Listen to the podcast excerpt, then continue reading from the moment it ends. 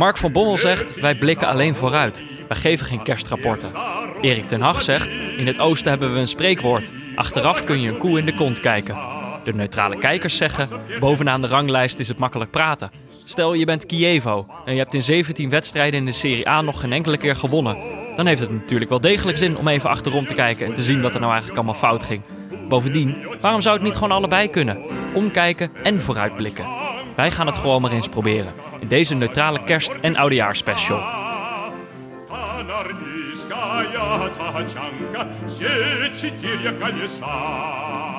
Ja, Jordi. Ja, Peter. Uh, even wat, wat andere aflevering deze keer. Ja. Even, het is ochtend. Het is eh, elf uur. Normaal zit ik eh, achter mijn toetsenbord factuurtjes te maken. En nu zit jij achter je toetsenbord een podcast te maken. Een podcast te maken. Ja, superleuk. ja het was wel even lastig om hier binnen te komen. Omdat normaal s'avonds zijn hier allerlei mensen en nu is iedereen op kerstvakantie. Ik ben hilarisch, want die meneer waar ik achter liep, die kwam Een schoonmaker of to- toen jij al samen met Anne hier naartoe eh, liep, terug naar mij. Die zei van, eh, ik wil toch wel even weten wie je bent. Ik wil dat even gecontroleerd hebben, dat het niet zo meteen Mm. allemaal weg is hier. Ja. Toen zei ik, nou dan kan je beter naar die jongen die in de studio zit lopen. Dat is Anne, en die is van, die regelt dat allemaal. Zei hij, oh ja, is goed joh. en toen ging hij weg. Dus dat was, dat was, het ging, volgens mij was het een test of ik Anne kende, persoonlijk. Nou, ik vond het wel, een- wel de kerstgedachte. In die zin dat, dat er is helemaal niemand. Wij zijn uiteindelijk eh, de, de pas vergeten om hier binnen te komen. Maar dan kun je altijd gewoon nog achter de schoonmaker aan naar Ja. binnen lopen. Daar kan je altijd op bouwen. En die vertrouwt je gewoon. Dat is heel fijn. Hey, we zitten hier niet alleen. Nee, Anne van ik had het al Dag nog verklapt, sorry. Oh, ja. Ja. Anne van Dag en Nacht Media eh, zit hier. Zit achter de toetsen. Jij dacht het is kerst. Ik kom weer een keer. Ja, waarom niet, jongens? Nee, dat is ook zo. Ik heb een mooie rode trui aangetrokken. Ja, helemaal in de sfeer. En met een ader op. De A van Santa Ja, zodat je, dat is Anne, hè, voor als die schoonmaker toch even moet checken eh, wie ik ben.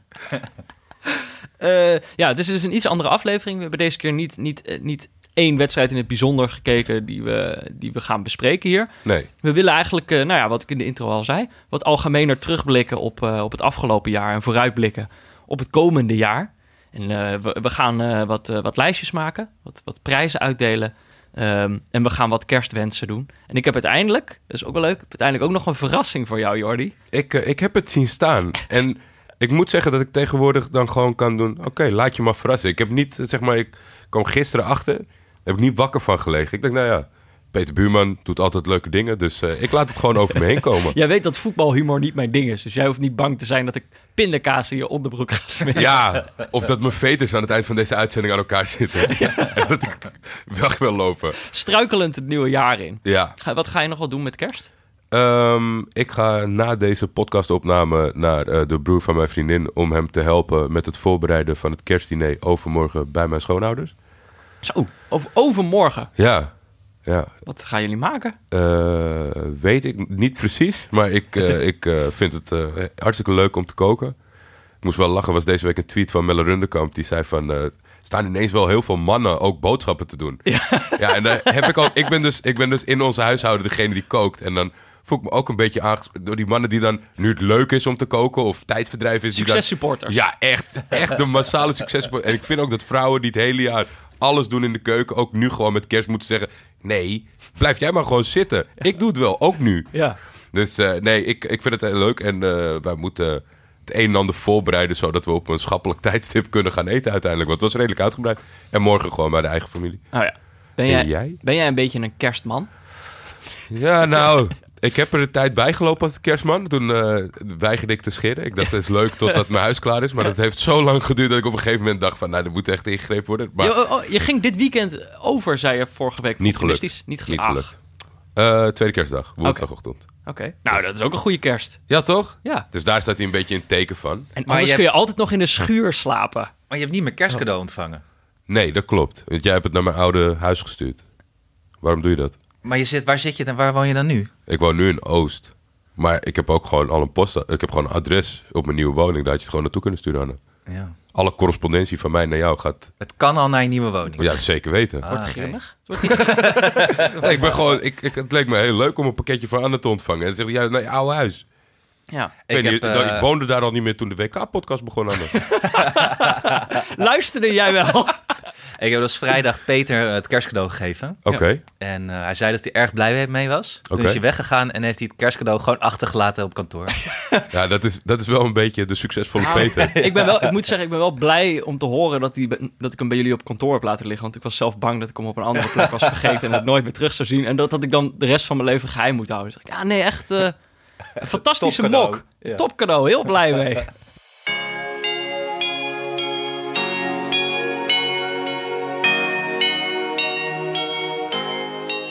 Terugkerend op jouw vraag vind ik denk ik het leukste van de kerst dat twee weken vakantie is in de praktijk voor mij. Nu pakt het iets anders uit. En jij? Eh, nou ja, ik ga ook zo meteen naar de opnames. eh, stap ik de trein in naar, eh, naar, naar Rotterdam. Familie van mijn, van mijn vriendin. Oké. En op eerste kerstdag vieren we het met mijn gezin. En die wonen dan weer helemaal in Brabant. Ja. Dus kerst is voor mij ook eigenlijk vooral heel veel in de trein zitten. Forensen. Forensen, ja. Maar dat vind ik eigenlijk ook wel, ook wel lekker. Ja. Eh, Morgen natuurlijk lekkere podcast om te luisteren. In Precies. de trein. precies. Vriendin even op mute. Lekker naar mezelf luisteren. Keihard lachen. Zoals nu. Keihard lachen. Ehm, we hebben nog wat eh, eh, kerstrectificaties. Ja, klopt. Even kijken. Ja, de eerste. Die is voor jou. Nou, Ja, dat was eigenlijk meer een vraag, toch? ja Daniel van der Meer. Beste Peter en Jordi. Een vraag naar aanleiding van de afgelopen podcast... waarin Jordi zich uitspreekt over zijn Unibec-activiteiten. Hoe neutraal zijn jullie als een van jullie... ook financieel belang heeft bij de uitkomst van de wedstrijden?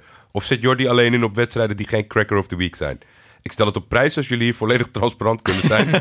Anders kan het tot een rectificatie leiden die de helft van jullie show raakt. Ik ga ervan uit dat jullie kijken, maar is dat ook neutraal? Ja, Dit ik is heb, Daniel eh, van der Meer. Ja, ik Dat heb... is, eh, eh, de- die dat is mag. ja, Die zit ons in de gaten te houden. die vraagt, eh, die verlangt transparantie bij het luisteren. en die wil ik best wel geven. Ik heb inderdaad uh, Unibet activiteiten. Ik vind dat ontzettend leuk. Ik heb dit seizoen alleen vorige week ingezet op een wedstrijd die Cracker of the Week was. Dat was Lyon. Maar dat was ook een beetje omdat ik eigenlijk wel het vermoeden had dat Lyon ging winnen. Ja. En wij hebben allebei gezien hoe makkelijk dat is. Dat had niet echt invloed op mijn beleving voor de show in mijn voorbereiding. Nee, in onze Toch dat financiële belang gaat niet- Nee, nee, nee, nee. Want eh, ik, ik combineer altijd met andere wedstrijden. Oh ja. Dus dan wordt het belang al... Ja, uiteindelijk moeten ze allemaal goed zijn. Ehm, nee, ja, ik, ik, ik zat gewoon met jou eh, rustig kan- het wedstrijdverslag te tikken voor wat wij hier gingen. Eh, Dat had geen... eh, misschien ook omdat het zo makkelijk ging. Hoor. Als het heel Ja. spannend was geweest, had ik misschien Want wel is, een is, andere zo, conclusie. is het niet zo dat gokken... Ik heb een andere vriend die wel eens inzet op wedstrijden. Zelf doe ik het eigenlijk nooit. Oké. Maar die, die zegt wel zo van... Dan kan een wedstrijd waar die in principe... Die je eigenlijk onbelangrijk vindt of zo... waar je verder niets bij voelt... Ga je dan opeens wel bij Het is zeker voor mij een element om wedstrijden die ik gewoon van plan ben te gaan kijken... spannender te maken in die zin. Maar heeft het invloed op je neutraliteit? Nee, niet. Maar dat heeft ook gewoon te maken met dat als je heel lang over het algemeen, ik denk 80, 50 procent niet succesvol bent. Dat je, ja, het is gewoon eh, een baalmomentje, maar veel groter wordt het niet. Nou, dus als je het vaker doet, dan... eh, ja, je moet gewoon echt heel veel gokken.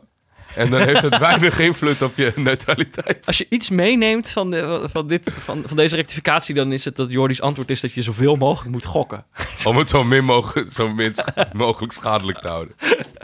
Eh, de andere is op, eh, op het gebied van eh, dieren, wederom. Ja, Dat is weer de, de, de, de, hoe noemde die zich nou? De huisdierenverslaggever van, van de Telegraaf. ja. Die, die stuurt steeds dierenrectificaties in. Als wij het over dieren hebben, dan doen we eh, op een of andere manier elke keer wat fout. klopt. Het wordt dan verbeterd. Eh, eh, Niels stuurde deze keer... Ja, we hadden het over die regenworm. De vorige keer dat je dan in, in, de, in het eigen tijden sportsegment vertelde iemand dat, dat iemand een, op het voetbalveld een regenworm aan hem had laten zien. Dat ze dacht dat het een meisje was. En dan jongens, meisjes plagen met het laten zien van Ja, dat was jouw, was jouw analyse. Jij zei, ja, eh, kinderen doen dat toch vaker. Die laten dan insecten aan anderen zien om ze te laten schrikken. En daar staat de fout. Daar hè? sloeg hij op aan. Toen zei hij, ja, maar regenwormen zijn geen insecten. Nee, Tuurlijk wat niet. zijn het? Hij zegt, hiermee wordt de indruk gewekt dat een regenworm een insect is. En dan wil hij dan toch even, dit is onjuist. Regenworm is een ongewerveld dier met één lang lichaam. Je kunt een insect makkelijk herkennen aan het lichaam dat in drie delen verdeeld is. Zoals een mug. Eh, Ik hoop dat we eh, eh, iets al om op te hopen in 2019 dat we iets goed doen als, het, als iemand een dier benoemt. Ja, ik, want we gaan het wel gewoon over dieren blijven hebben. Dat staat wel voorop, toch? Dat is wel mijn intentie. Wel leuk. Ja. Nog wat meer kleine, kleine dingetjes. Eerste was iemand... Er werd op een gegeven moment iemand gerectificeerd... die iets had ingestuurd naar eigen tijden sport. Ja, Johan van der Sande van Louter Hits van het elftal waar ik over sprak. Die eh, zei van dat het een schande van mij was dat ik niet wist dat het in 86 was in plaats Ja, van 82. er was iemand, het ging over een kopbal in een jaartal waarin ik nog niet bestond. Klopt. En dat, hij had gezegd van het is het WK 86 of zo, maar het was het WK 82. Maar Ja, de conclusie is dat ik al met al gewoon niet helemaal scherp zat in het hele verhaal, denk ik. Want anders had ik hem zelf al tegen kunnen houden. Maar ik zat weer gewoon knikkend te zeggen: Oké, sorry Johan.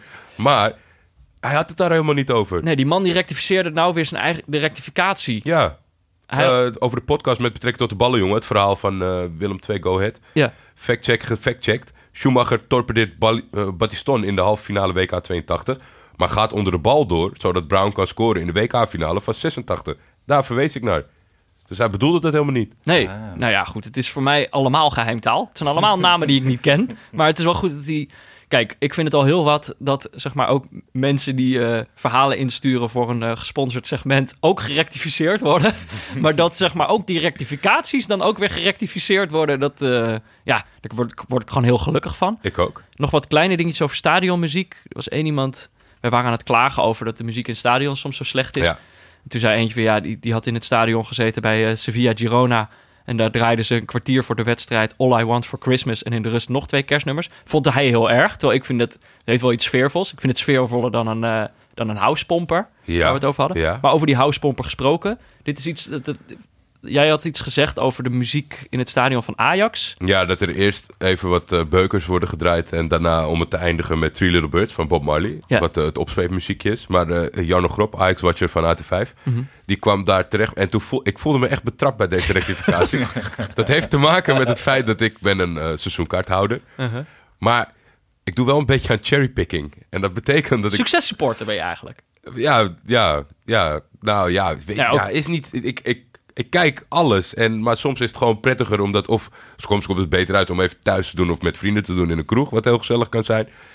En dat gebeurt eerder bij Ajax VVV dan dat dat gebeurt bij Ajax Bayern München. Dus in dit geval, eh, hij kwam met de analyse dat Bob Marley effect een beetje in stand wordt gehouden door alleen maar bij belangrijke wedstrijden te, te draaien. Oh. Dus daar viel ik door de man. Dat ik eigenlijk alleen maar in de arena zit bij belangrijke wedstrijden. en nooit bij de kleine potjes. Ja, nee, dus dat is... eh, terecht, Jarno. Als je 4-0 bij rust voor staat, dan hoef je ook niet een liedje te draaien dat zegt eh, everything is gonna be alright. Ja. Ja, nee, ja, het staat 4-0. Je weet het niet. Nou ja, misschien heeft de graafschap er dan nog wat aan. Ehm, nou, dat was het wel zo'n beetje, toch? Ah, ik wil toch nog even Oh. terugkomen hoor, op de rectificatie van eh, Daniel. Daniel, welke Daniel? Ja, op, de, op het neutrale kijken en het gokken van Jordi. Oh, Stel nou gewoon dat, dat, dat al je wedstrijden waren goed gegaan. Ja. Behalve dan, het kwam aan op Lyon-Monaco. Ja. En Monaco zou voorstaan. Dan zou je toch gaan balen, toch? Ik denk wel dat je dan een, een bepaalde baalsfeer creëert binnen je hoofd. Maar dan kan je toch niet meer neutraal kijken. Ja, Dus eigenlijk, ik vind eigenlijk toch dat we eh, misschien maar een, eh, moeten verbieden om te wedden op de Cracker of the Week. jeetje, jeetje. Ja, ja dat is- Ehm. klinkt streng, maar ik, ik ben Ja, het wel eens financiële, belangen, Of- financiële belangen verstoren het neutrale kijken. Ja. Of we maken er een, we maken er een segment van met Unibet samen. dat we alle drie op iets hebben Nou ja. ingezet, waardoor een van ons drie altijd... Waza laat ook niks van zich horen, dus... eh, Dus misschien is Unibet... eh, nee, ja...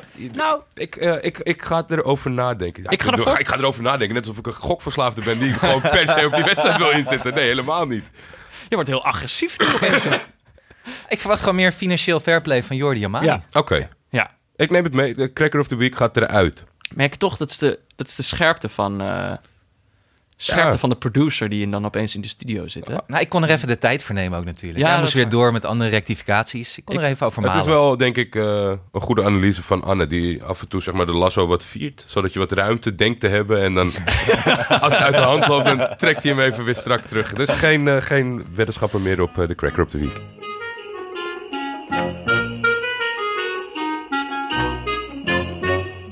Nou ja, we hebben, we hebben een volle uitzending. Zoals ik al zei, we gaan dus terugblikken op 2018. We hebben een paar neutrale voornemens voor 2019. Ja, goede voornemens, dat doen we niet aan. Ehm, en eh, we doen nog een paar eh, mooie kerstwensen. En ik heb nog een leuke verrassing voor Jordi. Ik denk, ik tease hem gewoon nog een keer. Maar voordat we daar allemaal naartoe gaan, gaan we natuurlijk eerst naar eh, het gesponsorde segment. Vergeten mensen nog wel eens. van Kiks, namelijk Eigen Tijden Sport.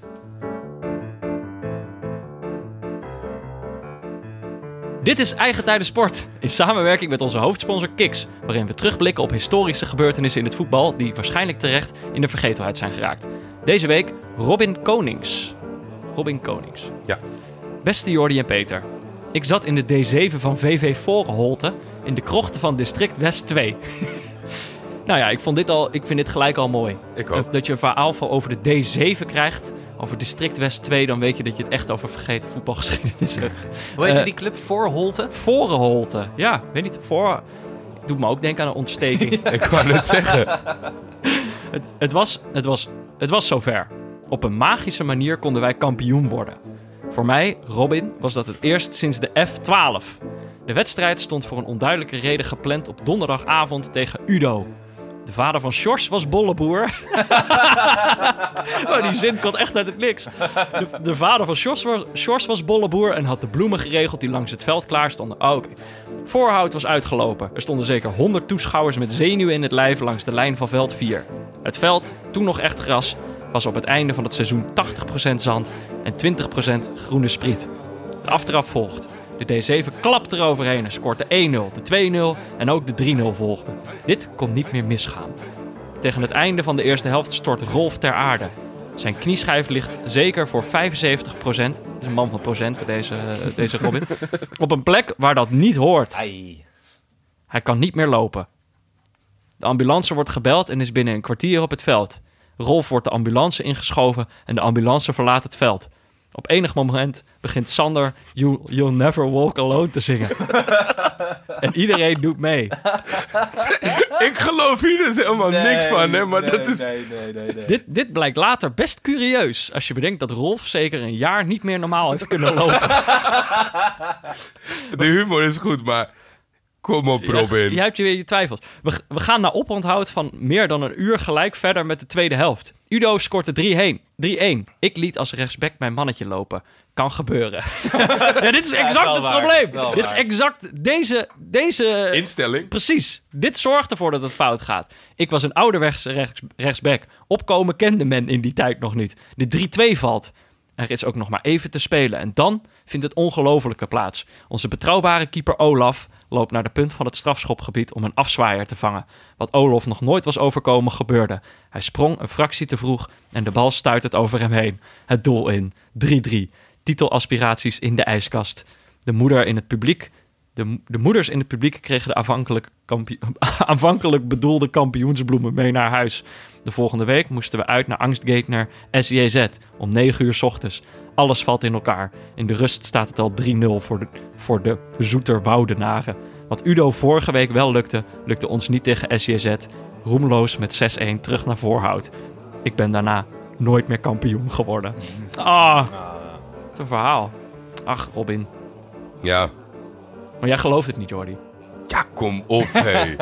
100 mensen bij een D7-wedstrijd. Dat betekent echt dat het grote families waren. Maar het zou nog eventueel Je kunnen. hebt 15 kinderen in je team. Maar dat dan zo'n kind heel zachtjes You'll Never Walk Alone... en dat iedereen mee gaat zingen... dat is toch gewoon uit een film? Dat is van de Mighty Ducks. Zijn hier ook videobeelden bij opgestuurd? Ik hoop het. Want als dit waar is, vind ik het film... dan is het... Ja, de Fox Doc waardig. Fox. Dan moeten al deze Dit is jongens moeten ges- nou ja. gezocht worden... om terug te blikken op dit moment. Wij zijn naar de Foxdog waardige g- geschiedenis op zoek. Dat is, dat is exact wat wij zoeken. Eh, maar Robin Konings is natuurlijk niet de enige die ooit in de krochten van District West 2 heeft gevoetbald. Dit seizoen van Neutrale Kijkers gaan we op zoek naar jullie voetbalmomenten die waarschijnlijk terecht totaal in de vergetelheid zijn geraakt. Heb je ooit een penalty gemist op een belangrijk moment? Scoorde jij ooit een omhaal toen niemand keek? Heb jij wel eens You'll Never Walk Alone gezongen toen iemand met een kapotte knieschijf het veld afging? Stuur het ons op. Mail je eigen historische voetbalmoment naar neutralekijkers.gmail.com. Wij geven jou de aandacht die je verdient in eigen tijden sport. Mensen vergeten wel eens eh, dat dit dus het gesponsorde segment is. En eh, we dachten, dit is toch de kerstrapport aflevering. We gaan gewoon even toch een beetje evalueren. En eh, Anne van Dag en Nacht Media, die, bracht net de analyse. Zei, het is eigenlijk net iets te leuk. Het is te goed. Het is te goed. Ja, En dan vergeten mensen dat het gesponsord is. ja dat denk ik dus. Ja, ik dacht, Het is te veel onderdeel van het programma. ja, Wat ook heel goed is. waardoor je inderdaad vergeet van... oh ja, hier worden ze eigenlijk gewoon voor betaald. Ja. Want eigenlijk moet je het gevoel hebben dat het een soort moedje is. Dat Maar wij- je, je kan Maar ook dit is geen voor moedje het- dit. Dit voor is het- leuk. Voor het nieuwe jaar zou je er ook aan kunnen denken om een andere sponsor te regelen waar wij beiden niks mee hebben. Ja. Waardoor het heel duidelijk is voor mensen. Iets heel Van- immoreels met wapens of zo. maar Johnny is natuurlijk niet de enige die ooit iemand heeft doodgeschoten. nou ja, dit is dus gesponsord namelijk door Kiks, waar je, en daarom heet het segment zo, op je eigen tijden sport. En het werk, ik dacht ook, het is, ik, ik spreek ook elke keer hetzelfde riedeltje uit, waardoor, waardoor je misschien op een gegeven moment, ik vergeet wat ik zeg op dat moment, en Ja. andere mensen vergeten misschien wel wat ze horen. Maar het is dus gewoon zo, kijk, stel je voetbalt niet meer bij een team, en je hebt toch zin om te voetballen, maar weet je wel, je kan niet op een vaste dag in de week of zo, of je wil niet de commitment aangaan van een heel seizoen.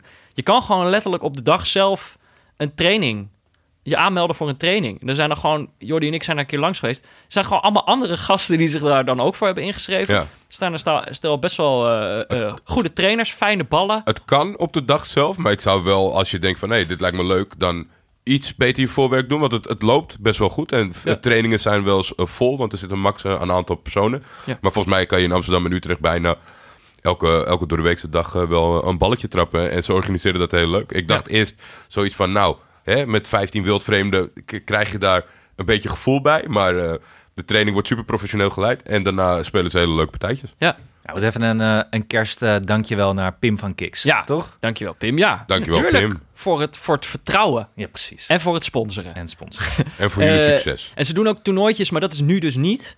Dat doen ze in de zomer waarschijnlijk weer. Toch? Dat denk ik. Dat denk ik wel, ja. Nou ja, bij, de- bij deze Pim, als je We hebben luistert... geen idee. Je moet in de zomer weer toernooitjes Ja, gaan je- organiseren, want ik heb het net gezegd. Je moet het ook wel eh, ons een beetje blijven informeren over dit soort dingen, Pim. Want eh, Nou ja, eh, als je je daarvoor wil aanmelden, dat kan natuurlijk gewoon. Eh kan op kiksvoetbal.nl slash neutrale kijkers. En dan kun je gewoon één keer gratis proberen. Ja, en dus niet op kiks.nl slash neutrale kijkers. Nee. Nee, dan kom je op een site van een of andere muzikant. Muzikant, ja. ja, kiksvoetbal.nl. Kiksvoetbal. Eh, dan gaan we terugblikken. 2018. Mark van Bommel zegt, wij kijken alleen vooruit. Wij doen niet aan een kerstrapport. Wij zeggen, wij doen wel aan een kerstrapport. Ehm, ja, laten we dan gelijk beginnen. Jordi, was dit een goed jaar voor het neutrale kijken? Eh, voor de neutrale kijkers wel. Mhm. Maar of het voor de neutrale kijkers... Ja, ik, ik, ik weet... Als ik zo kijk naar het rijtje wat wij hebben bekeken dit seizoen... Mhm. dan denk ik dat er meer in kan zitten. Denk niet dat we... De ploeg hebben niet geholpen voor ons om alles eruit Nee. te halen. En wij- We hadden overal wel een kanttekening. Ja. En we hebben ook... Ik zit soms dan na zo'n weekend... Dan zie je wat voor wedstrijden er allemaal zijn geweest. En dan denk ik, waarom... Waarom hebben wij nou die ene wedstrijd gekozen? Waarom moesten wij zo nodig die ene saaie wedstrijd gaan kijken? Ja. Maar oké, maar dat is dan. Dus er valt wat dat betreft een hoop te verbeteren. We hebben Napoli-Roma gekeken, was, werd 1-1. Leverkusen-Hoffenheim werd 1-4. De Manchester Derby was heel onevenwichtig, was 3-1. Congo, Congo-Brazzaville tegen Congo-Kinshasa was eigenlijk de lichtpuntje. leukste. Was echt een lichtpuntje, ja. Toen gingen we de Superclassico kijken. Die ging niet door. Dan moeten we anderhalf uur met Piet Zwart zitten. Toen Club Brugge standaard Luik 3-0. Kolenpot Derby kwam ook niet helemaal van de grond 1-2. En Olympique Lyon AS Monaco was vorige week was heel onevenwichtig. Het Ja, Gewoon 3-0. dat was misschien wel de Dus partij waar het, klasverschil het grootst was. En ik had niet Ja. verwacht dat het nog zou kunnen naar de Manchester Derby. Maar, dus wat dat betreft valt er nog een hoop te verbeteren. En, en, en moeten Ja. we echt, echt nog, denk ik, wel iets beter worden in aanvoelen welke wedstrijd echt sensationeel kan gaan worden. Daar moeten we een beetje feeling in krijgen, denk ik. Maar verder denk ik dat het een heel goed jaar was voor het neutrale kijken. Omdat, ja, toen wij in deze zomer begonnen zijn met die podcast over het WK, daarvoor wist ik helemaal niet, zeg maar, dacht ik helemaal niet na over het neutrale kijken. Dus dan zet je af en toe een wedstrijdje aan en, en, en dat was het dan of zo, weet je. Dan kijk je er even een beetje met een half oog naar en zo. Tot nu, het, het is wel een, eh, het concept is wel gaan leven in mijn hoofd. Het is wel iets waarover ik na kan denken, waardoor ik het ook interessanter vind om het vaker te doen. Ja, Dus in dat opzicht, ik bedoel in algemene zin, kijk, het is ook het jaar waar voor mij het, het neutrale kijken überhaupt geboren is. Dus eh, wat dat betreft kan ik er ook wel mee leven dat er nog wat verbetering in zit. Toch? Maar Peter, wat zijn je eh, bevindingen dan tot nu toe? Wat heb jij geleerd in 2018 over het neutrale kijken? Nou, echt. Kijk, tijdens zo'n toernooi merk je al heel gauw dat ploegen gaan dan vanzelf spelen op de manier die leuk is om als neutrale kijker naar te kijken, omdat ze er gewoon elk moment uit kunnen vliegen. Elke wedstrijd is eigenlijk belangrijk. Ehm, en eh, doordat, doordat het ook landenploegen zijn, is er ook iets meer sprake van een soort gemeenschappelijke beleving van die wedstrijden. Dat is denk ik ook belangrijk. En wat je bijvoorbeeld mist in competitieverband, is dat ploegen soms denken, doordat het seizoen gewoon een heel jaar duurt, dat ze op een gegeven moment wel denken, ach joh, lukt vandaag niet, volgende week beter. Of eh, de selectie is nu, zo, nu niet zo best. We zitten het wel uit tot de kerst. En dan haalt de, de directeur wel een, een betere spits of zo. En dat, dat wil je gewoon niet als neutrale kijker. Dat moet er gewoon uit. Was dit een knipoog naar Galatasaray? Oh, dat weet ik niet. Nou ja, Onbewust heel goed de eerste seizoen zelf samengevat. we zingen hem uit tot de winter en dan gaan we eens op zoek naar de spits. Ja, maar, maar dus ik denk mijn bevindingen zijn... Kijk, een goede wedstrijd is onvoorspelbaar. eh, eh, eh, veel beleving. Eh, een beetje gek. En ik denk ook... eh, misschien niet per se zo heel erg goed of zo. Dus heel veel ploegen zijn tijdens een seizoen echt op zoek naar degelijkheid. Terwijl tijdens een toernooi ben je soms gewoon ook alleen maar op zoek naar de flow of zo. Dus dat je gewoon weet van... Oh, we zijn nu opeens drie weken heel goed. Ja. Terwijl in het seizoen heb je er niks aan om drie weken heel goed te zijn. Want dan speel je 2,5 wedstrijd of zo. Ja. Ja. Dus ja, dat zijn mijn bevindingen. Maar denk je dan dat er voor een echt een goede neutrale pot... er voor beide teams altijd iets op het spel moet staan? Dat is dus heel moeilijk in competitieverband. En Ja. zeker voor de winter. Omdat als dat niet de eer is, waardoor wij op een gegeven moment wat eh, duidelijker naar richting eh derby zijn gaan hangen, dan is er natuurlijk in, in de eerste seizoen zelf nog niet zo heel veel Nee. verloren. Nee. Dus dat, dan zouden we misschien wel meer moeten denken aan competities waar het wel van belang is. Bijvoorbeeld een Champions League, een Europa League of een bekerduel. Ja. Omdat, eh, Ja, omdat, dan zijn de eh, stakes wat hoger. Ja. Ja. Maar ja, aan de andere kant, als je afgelopen week de, de, de, de Toto KNVB beker hebt gezien, dan ook niet eh, om over naar huis te schrijven. Nee. Ik zag dit nog wel iemand tweeten over de Engelse competities. Dat eh, in de championship, omdat er veel meer ploegen in spelen... en er veel meer ploegen ook kunnen promoveren en degraderen eigenlijk... dat er bijna elke week wel iets op het spel staat. Ja. Voor elk team. Ja. En ja, maar dat, is in, eh, ook wel, dat is ook wel een beetje, volgens mij, cultuur en dat zit gewoon in ze. Want als je kijkt naar, ik denk dat de Spaanse tweede divisie de spannendste competitie ter wereld is qua puntenverschil. Dan kan je echt in de laatste week nog van plek 22 naar een play-off. En dat gebeurt ook elk jaar. Dat je denkt van, hè, die stond toch het hele seizoen onderaan. Maar dat, dat puntenverschil is zo klein. Maar daar hebben ze volgens mij allemaal zoiets van... Ah joh, in die laatste drie weken gaan we wel even ons best doen. dus daar is het helemaal geen spannend element. Maar het championship is gewoon, denk ik wel... eh, misschien is dat ook wel een beetje ouderwets van... da- dat, is nog, dat is nog echt voetbal. ja. Heel, dat wordt wel een beetje gecultiveerd ook. Maar ik moet zeggen, gisteren was... eh we hebben het eh, lichtelijk over gehad van... moeten we, Leeds, moeten we een wedstrijd kiezen voor, de, voor deze, voor deze Ja. podcast? hebben we niet gedaan. Ik had mijn ogen gericht op eh Aston Villa tegen Leeds United. Ja, dat was eentje waarvan we En- dachten, die kan nog wel. dat was wel echt het, hetgene waarom sommige mensen zeggen Championship is veel leuker. Aston Villa begon fantastisch 2-0 voor en in de tweede helft eh, komt Bielsa bal op gang en eh, wordt het 2-3. Nou, We moeten misschien inderdaad daarom toch maar nu alvast een soort klein, klein neutraal voornemen voor 2019. Is misschien toch een championship wedstrijd Ja, in ieder geval ja. even kijken. Misschien inderdaad wel Leeds. Zijn er verder eigenlijk ploegen die we gezien hebben die we nog gaan terugzien? Ik denk sowieso Leverkusen. Ja, nu omdat Bos daar omdat, zit? eh, Peter Bos is aangesteld als trainer. Ik denk, eh, Echt in- leuk, in toch? potentie een goede Ja, match. Maar ja, dat, leuk. dat Ja. leek Dortmund mij ook. Ja. Alleen denk ik dat Leverkusen nog iets meer... eh, iets minder druk. Iets meer ook een soort van, van vergelijkbare situatie met Ajax. Veel jonge, talentvolle spelers. Zeker, ja. Bij Dortmund heb je toch al te maken met een paar jongens die, die het een en ander hebben gepresteerd en meegemaakt. Dus, Leverkusen zou zeker een optie zijn. Ik denk dat we eerst even moeten kijken of hij net zo goed is als, eh, als Keizer, Marcel Keizer. Ja. En dan kunnen we overwegen om ook een keer naar Peter Bos te kijken. Het is wel opvallend dat van de laatste drie Ajax-trainers ze nu allemaal een nieuwe club hebben. En dat eigenlijk de meest succesvolle in Amerika is verzeld geraakt. Ja. Vanwege, als ik het ANP mocht geloven, vanwege zijn talenkennis.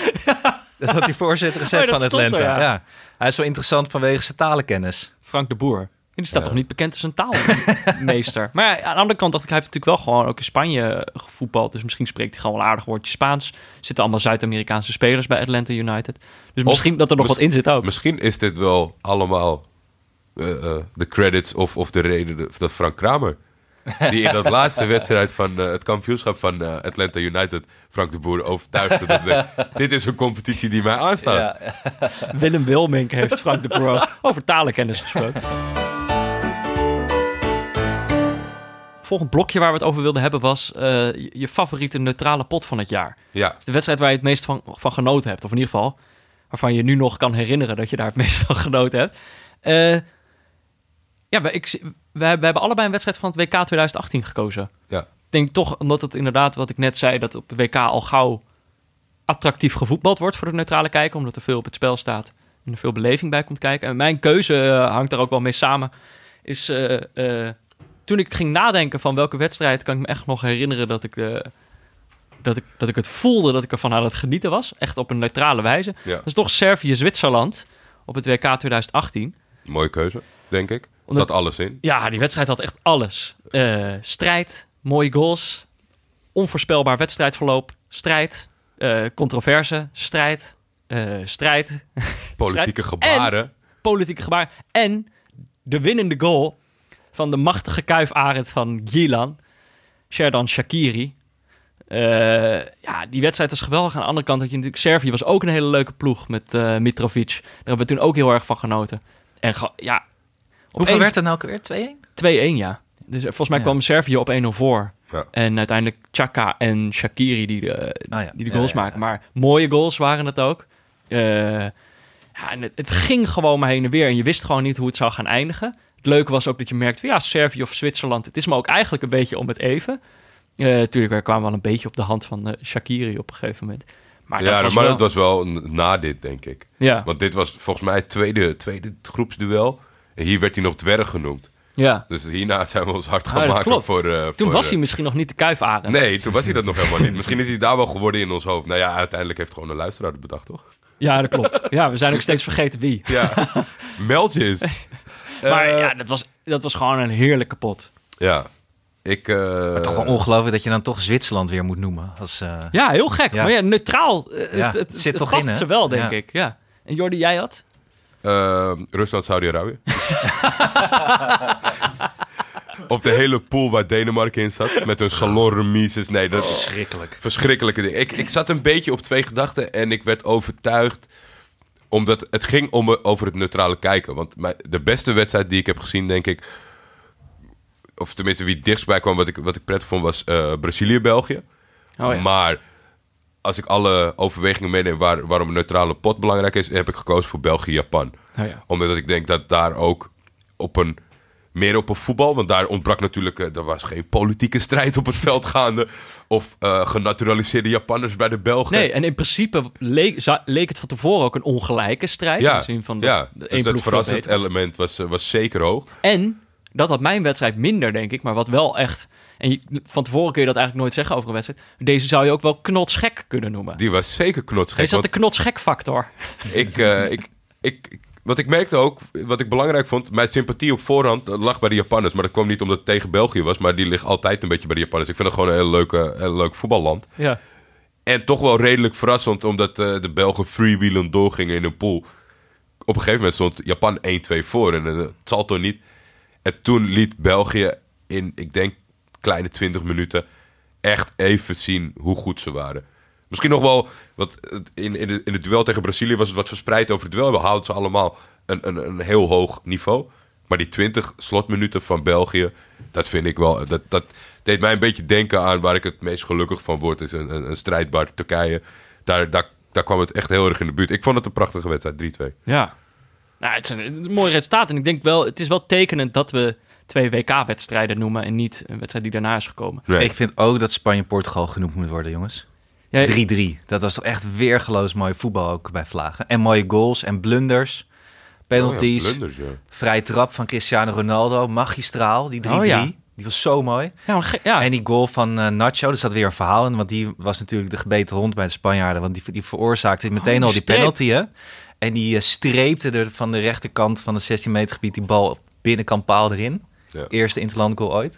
Het was een prachtige goal. Ja, dat is, En dat is het begin van het WK. Toen dacht ik nog, dit wordt het beste WK ooit. Ja, ja. Dat werd het uiteindelijk nog niet, maar goed. nou ja, weet je wel.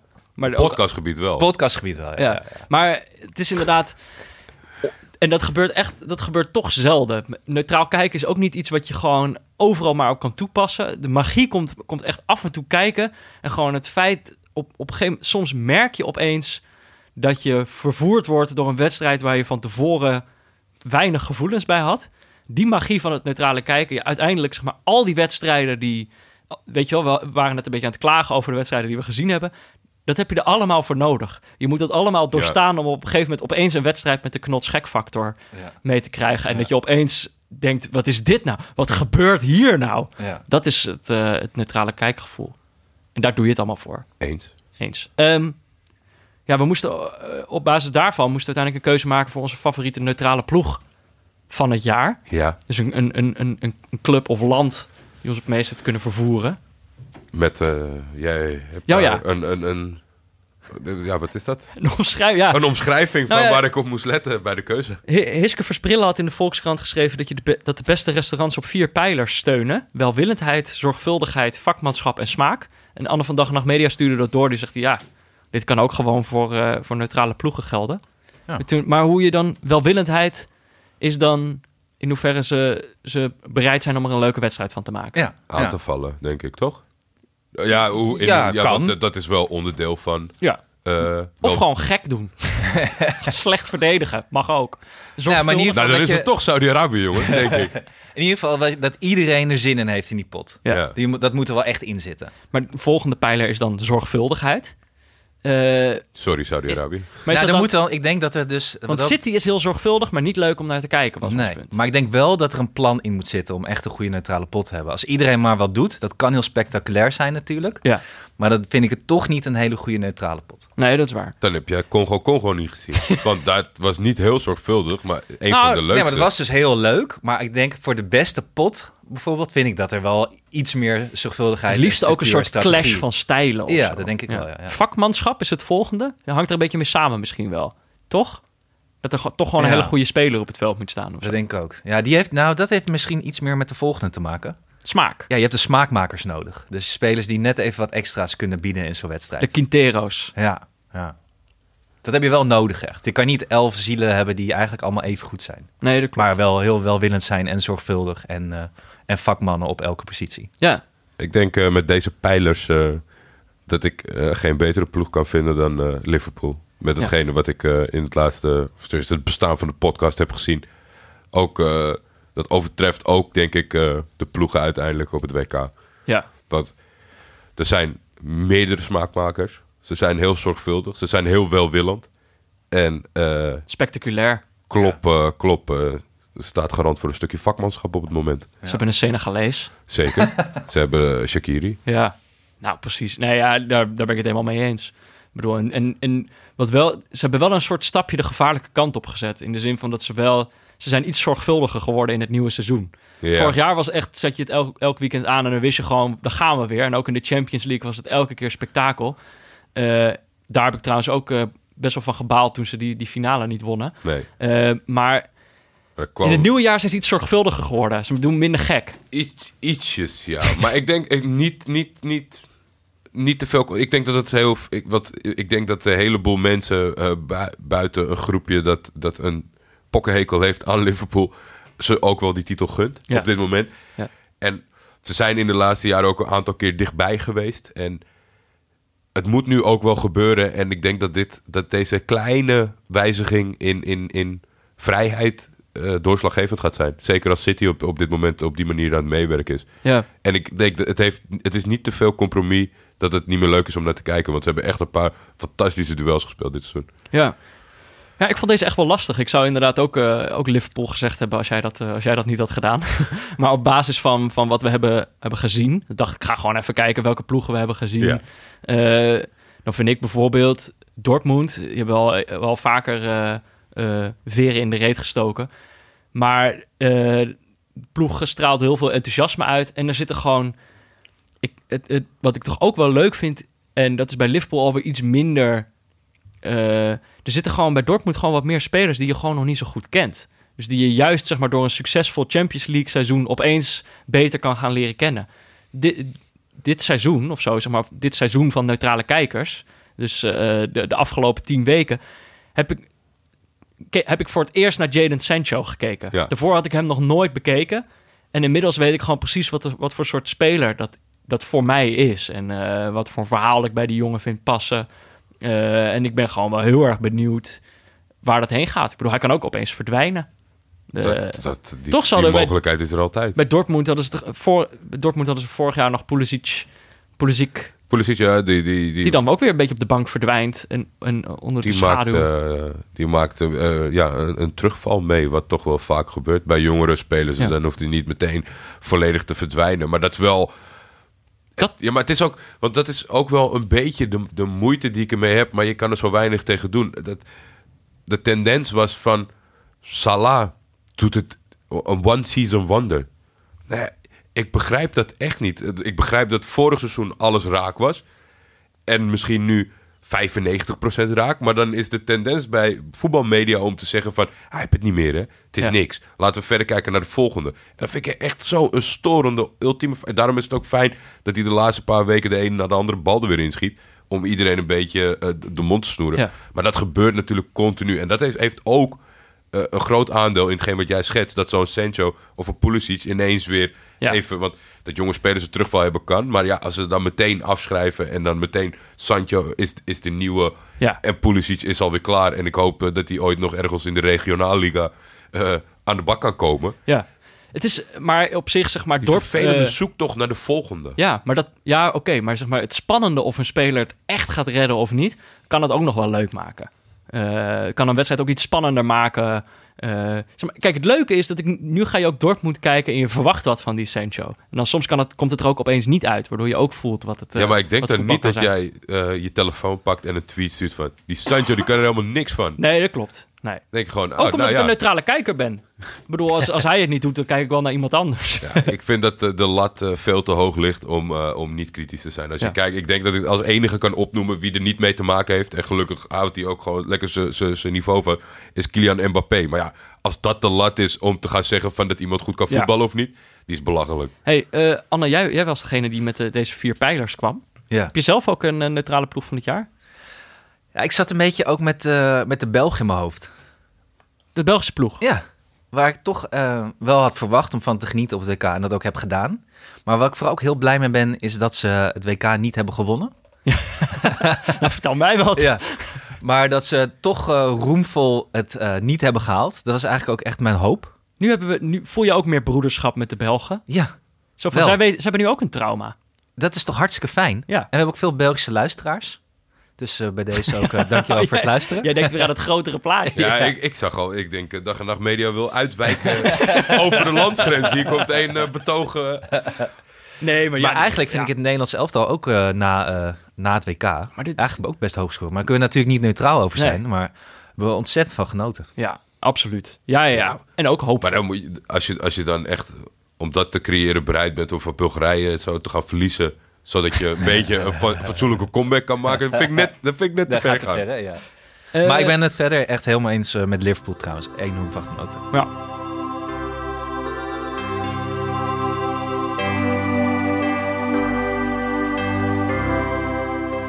Ja, Volgende. Modric won natuurlijk de Ballon d'Or. Na, het, eh, na vooral zeg maar, de finale plek eh, op het WK. Hij stond ook bovenaan het lijstje de, de top 100 spelers van The Guardian. Wat, die ze volgens mij vooral schrijven omdat mensen er boos over worden. En dat er dan extra veel mensen vooral gaan. Vos in Nederland. Ik denk Ja? dat hij nu ook woedend zijn oortjes uitgooit. Dat het, die heeft de laatste paar weken bij elke wedstrijd eh, waar hij verslag deed. dan Messi dan hij niet van, eh, bovenaan staat. Ja, en dan zingt hij gewoon, eh, steekt, die, steekt die gouden bal maar in je reet. Ik vind dat zo'n eh, Raar. zo'n rare... Ga- Dat ik, ja... Ja, het is, het is, eh, een s- een kwestie maar, van smaak. nou, en ergens, ergens, ik bedoel... Ik Ergens vind je dat hij die bal ook in zijn reet moet stoppen. Ja, ergens moet Modric gewoon die bal in zijn reet stoppen. Ja, want hij. Waarom? Ik snap de charme wel om, om de prijs aan zo'n jongen als hij te geven. Maar eh, om, omdat het juist zeg maar, iemand is die die prijs nooit wint. En in dat opzicht, jij bent natuurlijk een, eh, een, een, man van. Je bent een underdog man. Ja. Jij- jij houdt van de underdog. Maar. En, en, en ik op zich ook wel. Maar ik vind zo'n prijs. Ja, je geeft die toch gewoon aan de beste voetballer. En dat is hij gewoon niet. Dus ik dacht. Wat wij moeten doen, Ja. eh, kijk, en we gaan hem dan dus niet uitreiken aan de beste voetballer. Wij gaan natuurlijk, de- we bereiken hem uit aan de, de, de beste neutrale voetballer of zo. Dus de speler die. eh, Nee, maar ik, ik heb dan een andere situatieschets Oh. voor jou. Jij gaat zo meteen een boek schrijven. Misschien wordt dat... Nou, ik denk eigenlijk wel, dat wordt heel goed. En dan win je een prijs. En dan schrijf je daarna een boek. En die is ook fantastisch. Win je weer een prijs. En dan in het derde of vierde... Nou, laten we zeggen... Na vijf jaar schrijf je een boek wat minder is. Wat nog steeds wel goed is, maar wat wat minder is.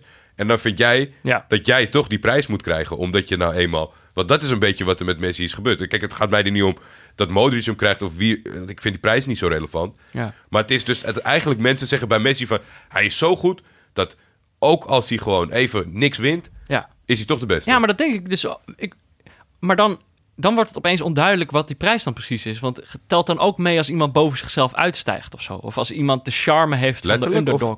Ja, nou ja, maar ik bedoel, reik je de prijs uit aan de beste speler? Of reik je de prijs uit aan, aan de speler met het beste verhaal of zo? Want ik snap wel wat jij bedoelt hoor, maar het is een beetje hetzelfde inderdaad als je het over boeken hebt. Grunberg schrijft een drie sterren boek. En dan denk je, ja, als andere mensen dit hadden geschreven, was het vier of vijf sterren geweest. Maar omdat het Grunberg is, krijgt hij drie sterren. ja, Dat is een beetje de, de, de fase waar Messi nu in zit. ja. Het is toch een beetje de Grunberg van het voetbal. Dus hij schrijft allemaal voetnootjes op het veld. Eh, maar dus de beste neutrale speler van het jaar. Ja, Zal ik beginnen? ga maar. Er kan er maar eentje zijn, wat mij betreft. Daar ben ik het niet mee eens, want ik heb een andere.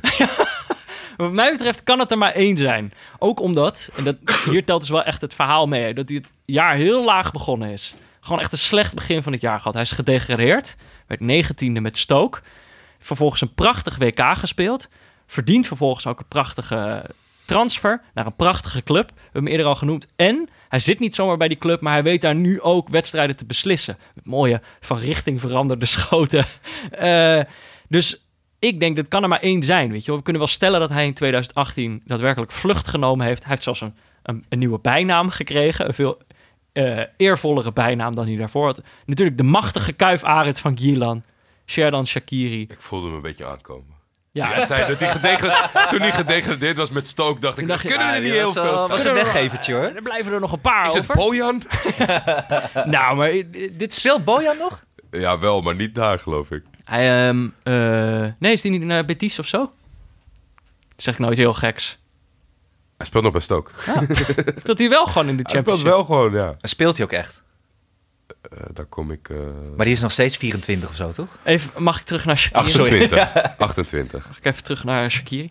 Er was zo, hebben jullie dat filmpje gezien? Dat ze dan weer, ze doen, Liverpool doet het elk jaar een beetje. Er gaan een paar spelers, gaan dan kinderen van scholen in de buurt gaan ze verrassen. Oh ja, ik had Dat- het gezien, dat was mooi. Maar dan op een gegeven moment dan... eh, kijk, sowieso de, ver- de verrassing in de ogen van die kinderen. Dit, dit jaar waren het eh, Andy Robertson. Ja, Andrew Eh, Robertson. Andrew Robertson. Oh, ja, ik mag hem Andy noemen. Robbo. Mo, Robbo, ja. Mo. Eh, en eh, en eh, de machtige Kuifarend. Ja. Die was er ook bij. Maar dat ik ook een beetje denk van... Die speelt dan een half jaar bij Liverpool.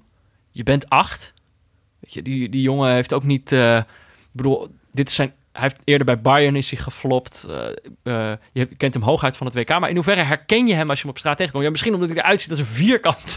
dat je hem daardoor herkent of zo. Maar net als Robertson of zo. Het is ook niet een heel duidelijk gezicht. Zou je dat als kind meteen herkennen? Duizend herken je meteen. Ja? Ja, 100%. Ja, maar dat komt, dat komt denk ik een beetje omdat je het vergelijkt misschien naar je eigen, naar jezelf. Want deze kinderen, die, die, dat, dat hoorde je ook in hun verhaaltjes. Die, die eten, slapen, drinken voetbal. Papa loopt door de woonkamer te Ja. gillen. En, Ja, dat is waar. Dus die, die, die zitten echt wel bovenop dat voetbal. En het was, ik, ik vond het heel leuk dat ze gewoon kinderen van scholen hebben gepakt. En het maakte niet uit of je voor Liverpool of voor Ja. Everton was. Want al die kinderen die eigenlijk voor Everton waren, die gingen gewoon om als ze... Zeiden, ja, Richarlison is beter dan Salah. ja, Ja. die was, die, die, die, was mooi, ja. Dat was de mooiste, want die hield vast. Maar die andere begon gewoon Mo Salah's liedje te zingen. Ja. Die zat eerst een heel verhaal in de camera. Ja, Big F Tony en wat dan ook. En toen kwam Salah aanlopen ging hij zingen. Maar eh, ja, Shakiri maakte daarin ook wel een eh, leuke indruk. Is volgens mij wel een geestige jongen. Ja. Maar wat ik er ook wel leuk aan vind, is...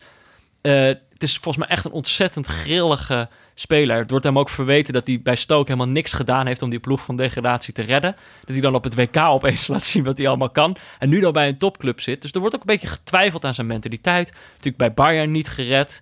Ja. Eh, en dat hij dan nu toch bij een topclub zit. Beetje, het had he- net zo goed helemaal anders kunnen lopen met, eh, met deze gast. Ja, ik denk toch Vind dat, het, eh, dat de, de, de kwaliteit van de keuze van Klopp, denk ik, om zeg maar voor een, een redelijk, op het moment dat hij niet zo interessant meer was voor een lage prijs, die vier jongens die hij voorin heeft, die natuurlijk niet alle wedstrijden kunnen spelen. Ja. En met die grilligheid van Shakiri dat achter de hand hebben. En dat bewijst hij nu gewoon eh, door hem, eh, ja, toch eh, als ze drie potjes in de week spelen, om af en toe Shakiri te gebruiken of in te laten Ja. vallen.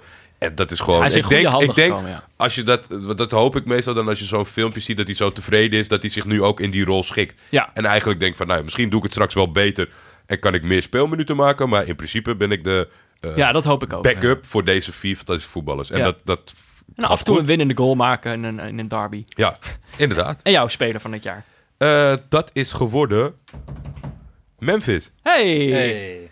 Ja, ik denk eigenlijk eh, vanaf het moment dat wij zijn begonnen dat hij eh, heel stabiel voetbalt. Ik, ik, Ja. Dus misschien Ja, nu toeval. het zegt, nu je het zegt. Ik denk dat eh, hij heeft te maken met een zeer kritische, zeer kritische volgers. Zowel bij het gewone publiek als in de media. En heeft een ontzettende grote groei nog gemaakt binnen het talent wat hij al was. En waar er iedereen had getwijfelen dat hij echt... Ik denk een heleboel mensen heeft verbaasd, ook met zijn, met zijn optredens bij het Nederlands elftal. Hoe sterk. Want dat, was, e- dat is echt wel de meest uit, uit, uit oog springende kwaliteit die is toegenomen. Want alles wat hij met de bal kon, dat was wel Ja. duidelijk. Maar Hij hij is nu een gewoon andere speler geworden. het is echt eh, ja, een, een, een leider geworden. Er staan natuurlijk een aantal grote talenten die staan te wachten om, eh, om de beste voetballer van Nederland te worden. Ik denk een Frenkie de Jong, een Matthijs de Ligt. Maar op de korte termijn is dat nog even Memphis. En ik denk dat, dat, eh, dat we in 2019 ook nog eh, gaan genieten van hem. Dat hij eigenlijk eh, Nederland eh, er doorheen sleept om weer eens bij een eh, eindronde te zijn. En misschien wel die Nations League eh, Ja. eh, te, te winnen. En daarnaast had hij volgens mij zelf nog een heel mooi project... wat, hij, wat hij toelichtte bij De Wereld Draait Door. Samen Ja, met dat heb ik, Winnen heb ik niet gezien. van de dove kinderen. In, want daarom zijn Celebration is een beetje Oh. tweeledig. Ja. Dat heeft daarmee te maken met dat project. En dat heeft te maken met dat hij zich een beetje afsluit voor de kritiek. al dan niet terecht. En dat, ik, ik, ik was dit, dit jaar ontzettend trots op Memphis. Ja. En ik hoop echt dat dat eh, op dit niveau blijft. Nou, wat, wat zo knap aan hem is, vind ik... In principe is het de blauwdruk voor een, voor een mislukte carrière. Zeker. Eh, goed gepresteerd in Nederland. Eh, grote transfer naar een grote club. Falen. Heel veel bezig zijn met, met andere dingen naast voetbal. Daar heel veel kritiek op krijgen. Maar hij laat nu echt zien zo van, weet je wel, dat hij dit echt eh, zelf wil. Want als hij het voor iemand anders had gedaan, dan was hij er natuurlijk al lang mee gekapt. Eh, al dat gezeik dat hij over zich heen krijgt. En dus Ja. het is echt iemand die het ook echt doet, omdat hij dit heel graag wil, volgens mij. Ja, en nog heel duidelijk zich wil revancheren. Want het is, het is, het is ik denk, moeilijk behapbaar voor Lyon. Lyon is een goede plaats voor hem. Die, die president kan heel goed met hem omgaan. En de trainer volgens mij inmiddels ook. Uh, alleen, ja, hij is heel duidelijk erover van... De, hij is, hij is ook te groot voor de de, club, stap, uh, er moet hierna weer een stap komen. Ja. En ik ben heel benieuwd wat dat gaat worden. Ja. Want als dat, als dat een match wordt, dan hebben we echt een hele grote. ja. Mooi. Uh, heb jij er nog iets aan toe te voegen, Anne? Ik vind het altijd een mooie keuze. Ik hoop wel uh, Memphis en, uh, en, uh, en de machtige Kuivarend samen in één team. Dat zou wel leuk zijn. Dat zou mooi zijn. Hij zou er wel passen misschien. Nou ja. ja. Anyway.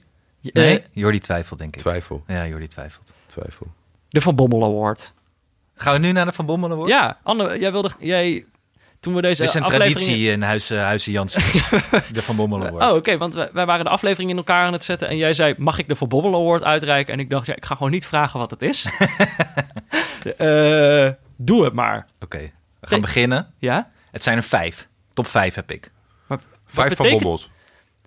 Uh, vijf, nee, het vijf. Dus de, er was een hele lange longlist. Ja. Wat, wat, wat moet je zijn? Of komen we daar vanzelf ja, achter? Ja, daar komen we vanzelf okay, achter. Okay. Ja, ja. Maar we weten in ieder geval, het zijn er vijf. Ja. En uh, de, voor het eerst sinds jaren heeft Mourinho de top vijf niet gehaald. Zo. Okay. Ja.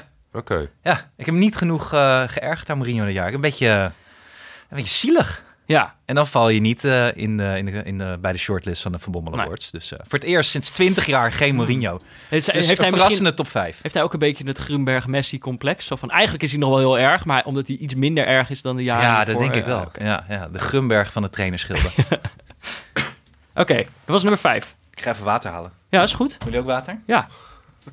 Lekker. Borst. Zit je een uur naartoe te praten, is hij aan de beurt. Ga even weg. Hé hey, jongens. maar water is wel een goed plan. Ja. Ga, ik ga wel... Ja, oké, okay, dan blijf ik hier wel. Ik ga wel even, compu ik ga wel even computeren. Kijk een pressing. Kijk een pressing. Voor VI Pro hebben we dit voetbaljaar samengevat in negen lijstjes. Van de stukken die het vaakst midden in de nacht werden gelezen... tot de verhalen die de meeste duimpjes omhoog ontvingen. Een divers en gevarieerd overzicht. Maar daar krijg ik in deze podcast de tijd niet voor. Anne van Dag en Nacht Media was duidelijk in zijn opdracht. Vat het voetbaljaar samen in één minuut. Daarom sla ik het buitenland even over en focus me ik op Nederland. Ik schreef in de zomer het boek De Val van Oranje... wat opgebouwd is uit 11 tips. De ontwikkeling daarvan neem ik graag met jullie door. Hoofdstuk 2. Kijk in de spiegel, we kunnen niet aanvallen. Dit kwartje is gevallen. Van Dijk en de Licht winnen prijzen. Nederland kan verdedigen. Hoofdstuk 4. Speel Hollandse school. De rest van de wereld doet het al. Oranje, Ajax en PSV hebben dit begrepen. Hun spelprincipes lijken op de Hollandse school. Hoofdstuk 5. Lees Darwin, niet de sterkste wint. Ronald Koeman houdt van aanpassen en Oranje plukt de vruchten. Hoofdstuk 6. Leer omschakelen. Erik ten Hag deed dat bij Ajax. Hij staat in de achtste finale van de Champions League. Hoofdstuk 7. Laat je man lopen. In de Nederlandse top hanteert slechts Feyenoord soms nog mandekking. Daar gaat het hartstikke lekker. Hoofdstuk 8. Geef de flanken cadeau. Backs aan de binnenkant, buitenspelers in de halfspaces, Oranje, Ajax en PSV doen het allemaal. Dat gaat dus de goede kant op. Op naar de wederopstanding in 2019. Kijk een pressing. Kijk een pressing.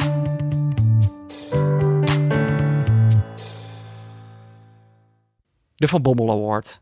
Oké, op nummer 5. Ja. Kijk, een van de belangrijkste pijlers van de Bommel Awards Mhm. ehm, is dat als ik in een arena zit, ik me enorm aan je moet ergeren. Ja. En dat is gebeurd dit jaar. Oké. En niet een beetje. Je moet niet een beetje aan mij ergeren, want dat doe ik al genoeg zeg maar, bij Ajax-spelers als gewoon een verkeerde bal pasen. Mhm. Gewoon gigantisch buiten categorie ergeren. En er is één speler die dat heeft te bolwerken dit jaar. En ik denk al dat jullie weten waar, we- waar ik naartoe ga. Nee? Nee. Ruudje Vormer. Ruudje Vormer. Wij waren op zijn afscheidswedstrijd Ja. met z'n drietjes plus oom Paul. Shout-out naar oom Paul. Ja. En Ruudje Vormer liep er rond met een air alsof hij een kruising van Pirlo en Gattuso was. Maar speelde als een kruising van Mark van der Marel en Mark Diemers wat mij betreft. En dat in oranje. Op de open rechterflank. Ruudje Vormer. Verschrikkelijk. Niet om aan te zien. Een welverdiende vijfde plek daarom voor Ruudje Vormer. Oké. Op nummer 4, DJ Martin. DJ Martin, dat is die gast, weet je nog wel, die bij de eh Ballon d'Or dingen allemaal mocht zeggen. En toen bij Oh, de... Martin is al fake. Ja, maakt het uit. DJ Martin. En toen... DJ Martin klinkt gewoon nog als een gast in het buurthuis. ja, wat mij betreft is hij dat ook gewoon. ja. ja, die twerk, die De wilde dat die- twerker. Precies, die, eh, toen hij... eh, Serial twerker. Ada Hegerberg werd beste fantastische voetballer. Die kreeg de prijs en toen vroeg hij aan haar van, kun je ook twerken? En wat is hier nou zo eh, bommelig aan? Nou, het is erg bommelig om een feestje te verpesten. Ja. Dat heeft eh, Mark van Bommel voor mij als Ajax-fan jarenlang gedaan. en ik ben erg bang dat het dit jaar weer gaat gebeuren. Eh, het is ook super bommelig om een surprise party te ruïneren... door de jarige totaal onverwachts een kopstoot te geven... en dan een verrassing te roepen. En dat is weer precies wat die Martin heeft gedaan bij die Herenberg Ja. eigenlijk. Ja. En wat, ik, ik vond hem was ook zo pissig op die tweet die die gast van die DJ Martin in de afloop verstuurde. Waarin hij zei: I explained to uh, uh, Ada Hegerberg the buzz and she told me she understood it was a joke. Waarin hij dus eigenlijk ook gaat zeggen. Hij gaat nog een keer. eh, Hij zegt dat hij haar heeft gemenspleed over wat de bedoeling was. En Ja. wat er gebeurde. Dat zij het dus niet begreep. Kennelijk zegt hij.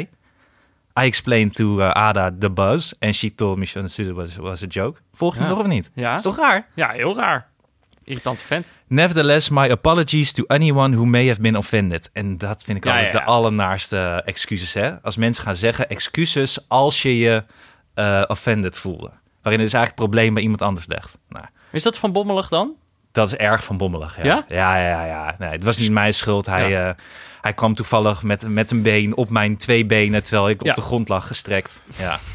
Weet je? Ja. Maar wat ik dan weer wel weer goed vond aan die, eh, aan die actie van, die, eh, van DJ Martin... was dat het ook weer eh, de stichting Women in Sport een podium gaf om hierop te reageren... en te benadrukken dat het onderzoek blijkt dat 40% van de vrouwen die werken in sport... met discriminatie te maken hebben... en 30% ongewenst gedrag van mannen moeten verduren. Dus daarom eh, kerstoproepje aan al onze luisteraars. Ik ga er niet vanuit dat onze luisteraars zich hier schuldig gaan maken. Uh-huh. Maar mocht je het zien gebeuren in de sport, zeg er wat van. En een oproepje, kerstoproepje aan alle vrouwen. En vooral aan die ADA. Ga nou niet zo verdedigen in de afloop en zeggen van... ik begrijp dat het een grapje was. Zeg gewoon, je bent, ik snap ook niet wat die lult... wat zo'n cd-verzamelaar met de midlife crisis hier überhaupt doet... bij Ja. de Ballon d'Ors. Ja, maar dat begreep ik ook totaal niet. Waarom Nee. was hij daar? DJ Martin, wat Fuck deed... DJ Martin! Fuck DJ Martin. Wegwezen. Maar dat is natuurlijk ook, dat dacht ik ook. Het is natuurlijk ook gewoon de schuld van, wat is het, de UEFA of de FIFA die dat uitdeelt? Waarom lopen er altijd van dat soort clowns rond op die feestjes, Ja, weet je wel? Als, als alleen dat soort mensen willen komen, maken er dan niet zo'n feest van. Het is van Frans voetbal. Het evenement. De Ballon d'Or. Voordat we weer tig rectificaties krijgen. Het is niet van de UEFA of van de FIFA. Nou ja, Ballon fuck, d'Or. fuck die organisatie. Of zoals eh, Frank de Boer de Ballon d'Or noemt, eh, het talenwonder. De deurballon. Op drie. Nou, dat zal je ook niet verbazen. Klaas Dijkhoff. Mhm. Met, wat doet hij met voetbal dan? Nou kijk, een belangrijke pijler, een, een derde belangrijke pijler in de Bommel Awards is dat je, een, eh, dat je een winnaar bent. Kijk, ik kan veel over Mark van Bommel zeggen, maar Mark van Bommel is een pure winnaar. Een haast on-Nederlandse winnaar. En Klaas Dijkhoff is ook een winnaar. Want die is dit jaar uitgeroepen tot politicus van het jaar. God. Maar een winnaar zijn betekent niet dat je de beste bent. En Mark was ook niet de beste voetballer. Laten we wel wezen. Mhm. Die was vaak bezig met heel iets anders dan, dan, de, dan de neutrale kijkers vermaken in een wedstrijd. Mark kon uitstekend in de 70ste minuut een tegenstander onder de zoden schoppen, opstaan en die speler nog een keer flink uitschelden om een opstootje te ontlokken, om zo het team weer even lekker op scherp te zetten. En daar nog glunderend over vertellen na afloop. En dat is precies wat Klaas Dijkhoff, Mr. Proefballon, ook doet. Klaas Dijkhoff heeft gestudeerd op Mark van Bommels vertaling van de Art of War van Sun Tzu. En hij wist een hele hoop boos Nederlanders dit jaar geld te maken met zijn idee voor een demonstratieverbod tijdens de Inter voor Sinterklaas. Eh, een idee dat rechtstreeks ingaat tegen een van onze belangrijkste grondrechten, namelijk het demonstratierecht. Eh, dat is niet iets wezenlijks bijdragen als politicus. Dat is een opstootje om het opstootje. Dat is, dat is bommelig. Hetzelfde met zijn proefballon om mensen in probleemwijken zwaarder te straffen. Wat ook volledig in strijd is met onze rechtsstaat. Maar wat mij betreft, hij viel pas echt door de mand toen hij daadwerkelijk proefballonnetjes ging oplaten in eh, Den Ja. Bosch. Ik weet niet of je dat hebben gezien. Ja. Stond hij daar in een CNA-giletje met dat blauwe ballonnetjes in de open lucht.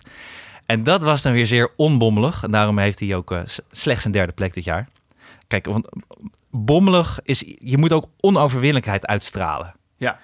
En dat heeft Klaas, eh, dat, dat heeft Klaas gewoon niet. Dan moet je niet met, met lullige ballonnetjes gaan vasthouden op straat. Plek 2. Plek 2. We naderen de absolute top. En hier moet ik even een noot toevoegen voor mijn goede vriend eh, Dirk van Moorselaar. Die heeft er lang op aangedrongen om de onderkoeld arrogante Mariska van heel 100 Bakt in deze lijst op te nemen. Zij heeft het, zij heeft het helaas Kijk niet tot, eh, tot de shortlist gestopt. Nou, voor volledig eh, dezelfde reden, eh, Peter. Van, Ja. Ik kijk het programma gewoon niet. Ja. Dus op nummer 2, Ruben van Bommel. Zal jullie niet verbazen. Ik heb al eerder over hem uitgeweid in deze show. Zoon van. Eh, zoon van. Heeft Bommel DNA. Dus scoort gewoon heel hoog sowieso op deze, op deze lijst. En ik vrees met grote vrezen over de jongste Bommeltelg die eraan zit te komen. Vooral omdat ook Anthony, Anthony Leurling zijn trainer, Leurling zijn trainer is. Had ik dat vorige keer verteld? Nee, weet ik niet. Nee, misschien. Nee. Hij heeft als trainer gewoon daar bij PSV Anthony Leurling. oh mijn god. De giftige cocktail. Maar op één. Ja. Voor het twintigste jaar op rij. Is geworden Mark van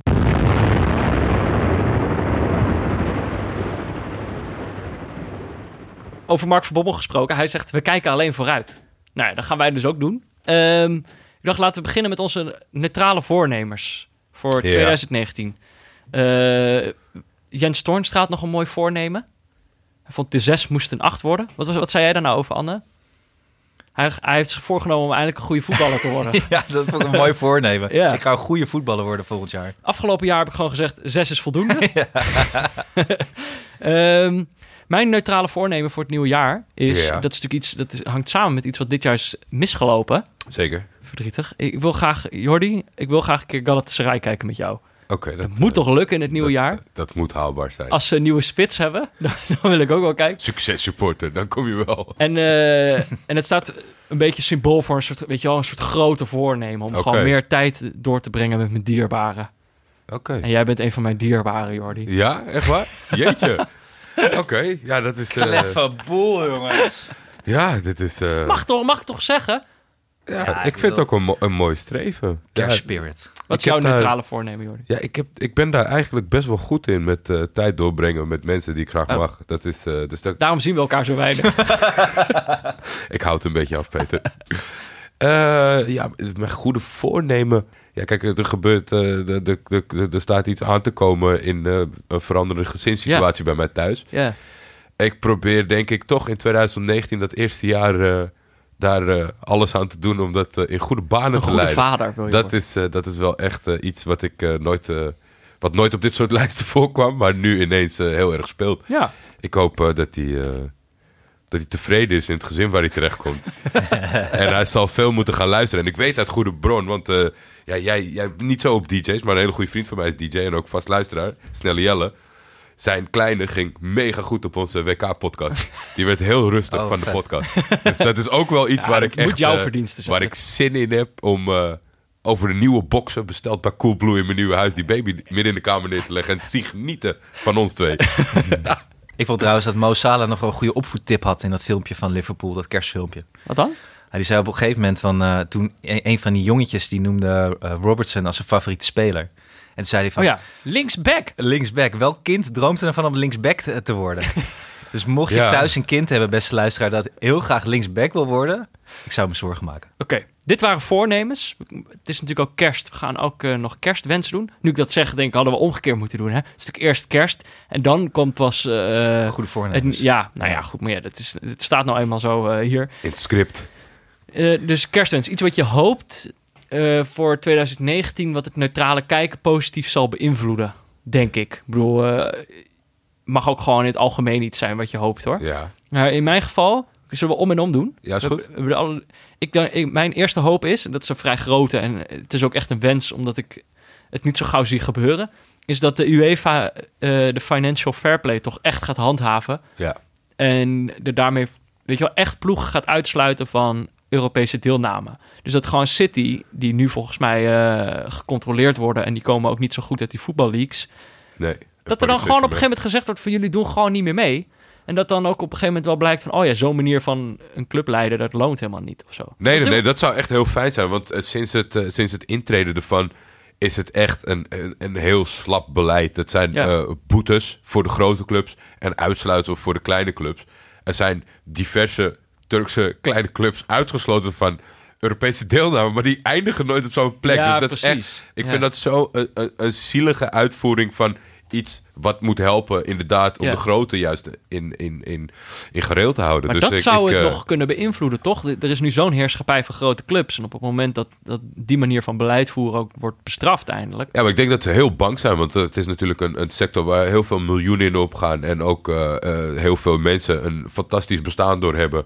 Niet helemaal eerlijk. En op het moment wat de grote clubs dreigen al jaren met wij gaan een Super League beginnen met alleen elkaar.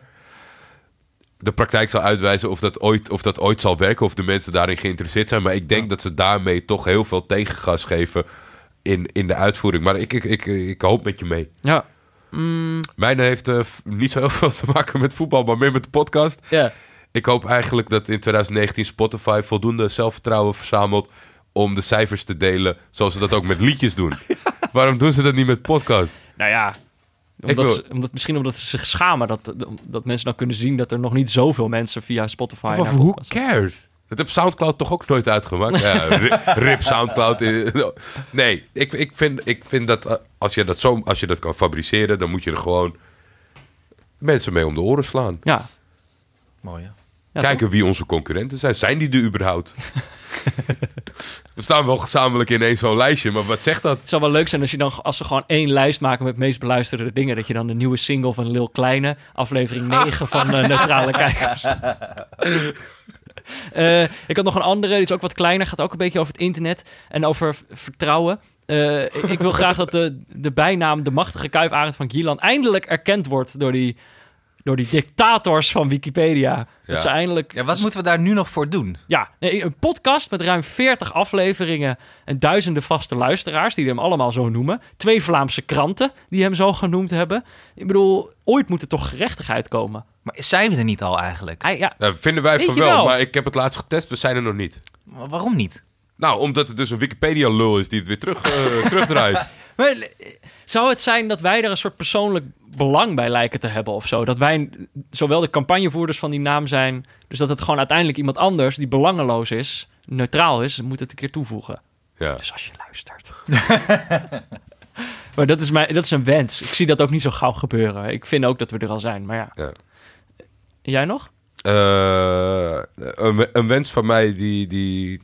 Ja, dat moet nog maar blijken. En dat is een beetje teasen of zo. Maar ik, ik hoop dat eh, na Congo-Congo... wij deze zomer... eh, jij, jij staat open voor alle toernooien. Jij begon een lijst op mij af te vuren. Ik vind dat eh, moeilijk te realiseren... als ik, Ja. als ik het hoofd Nee, van mijn vriendin erbij zie. Als we ik moeten er eentje kiezen. Ja, en, en mijn wens daarvan gaat richting de Afrika Cup. Dat Ja. je dat weet. Ja, nee, dat- maar dat lijkt mij ook fantastisch. Ja, Is- w- Vrouwen-WK ook superleuk hoor. En, Ja.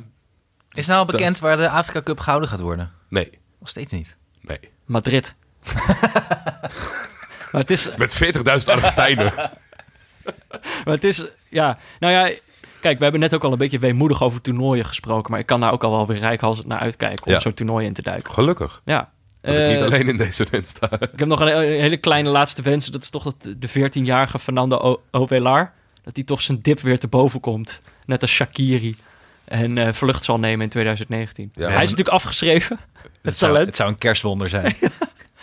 En jij hebt ook nog één wens. Nou, het zou, ik, ik- Of ben je, nog, jij bent, ben je nu OVLR aan het googlen? ja, ik, ik, want ik vind het namelijk heel sneu. Want zo, zo heb ik het nooit, had ik het nooit bedoeld. Maar volgens mij zag ik hem laatst tweeten iemand naar mij...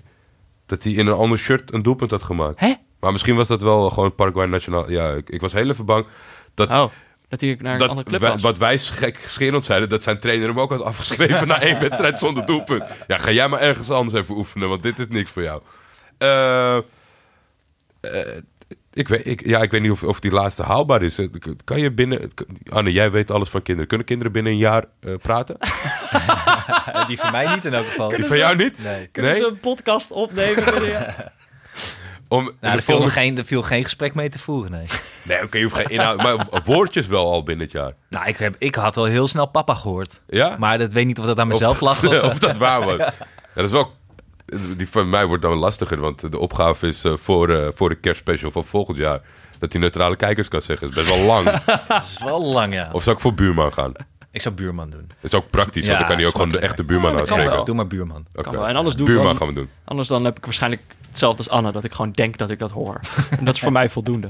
Als laatste dacht ik nog, eh, dat deden we voor het WK ook, maar een soort gedurfde voorspelling doen. Ja. Voorspelling waarvan je eigenlijk wel weet dat het niet gaat gebeuren, maar gewoon toch dat je hem kan claimen als het uiteindelijk gebeurt. Dus ik had het Senegalese wonder. Ja, is niet gebeurd, maar als het wel gebeurd was, Dan was het jou. dus dan had ik vooraan gestaan om hem te claimen. Ehm, dus ik dacht, laten we voor 2019 ook zo'n voorspelling doen. Oké. Ehm, zal, mag ik beginnen? Ja, jij mag altijd beginnen. Ik dacht een beetje toen ik hem opschreef, dacht ik nou wordt Jordi boos, want eh, dit had hij ook willen zeggen. Daar heb ik wel inderdaad... eh, Kijk, het is niet het beste moment om dit te zeggen, want hij heeft, hij heeft net verloren eh, dit weekend. Marcel Keizer heeft zijn eerste wedstrijd verloren. geen doelpunt gemaakt in de 0-1. wedstrijd. Er stond ook ergens, want hij is, ze hebben 30 keer gescoord in zijn eerste vijf wedstrijden of zo. Zes wedstrijden. En ze verliezen één keertje met 0-1. En dan was de kop gelijk. Marcel Keizer gedesillusioneerd. Nou, Terwijl ja, je verliest gewoon een keertje. Uiteindelijk was het stuk ook wel wat optimistischer. Maar mijn voorspelling is... Marcel Keizer wordt kampioen met Sporting. Oké, Dus door het verlies staat hij nu vijf punten achter. Maar ja, dat kan natuurlijk gewoon nog. Hij speelt nog tegen allebei de plekken erboven. Precies. Eh, en, en, en hij wordt niet zomaar alleen kampioen. Daarmee begint een nieuw tijdperk van succesvolle Nederlandse trainers. We hebben het al eerder gezegd van hij wordt de nieuwe kroonprins van een soort nieuwe garde. We hebben natuurlijk een tijdje gehad waarin Nederlandse trainers overal succes hadden en eh, hoog aanzien hadden. Dat is in rap tempo afgebrokkeld in de Zeker. afgelopen jaren. Maar er komt een nieuw tijdperk. De Romeinen hadden het al begrepen. Elke keizer heeft een eigen tijdperk. En zo ook Marcel Keizer. Ik eh, doop het bij deze tot het tijdperk van keizer Keizer. En weet je wel, allerlei nieuwe trainers die eh, in zijn navolging grootste dingen gaan neerzetten. Frank de Boer, Peter Bos, Erik ten Hag, Mark van Bommel, Danny Buis. Adrie, Adrie Koster. Nou ja, gewoon, ik, Ik- denk, er komt gewoon weer een nieuw elan. Ik ga, ik ga iets hier aan toevoegen. En wa- waar ik eigenlijk denk waar het verlies gisteren vandaan is gekomen. Ik, eh, ik heb deze week eh, mijn uiterste best gedaan om in contact te komen met Marcel Keizer. Dat is gelukt. En eh, ik heb twee blauwe vinkjes gezien. Ik had hem gevraagd namelijk, omdat wij eh, ja, groot bewonderaars zijn.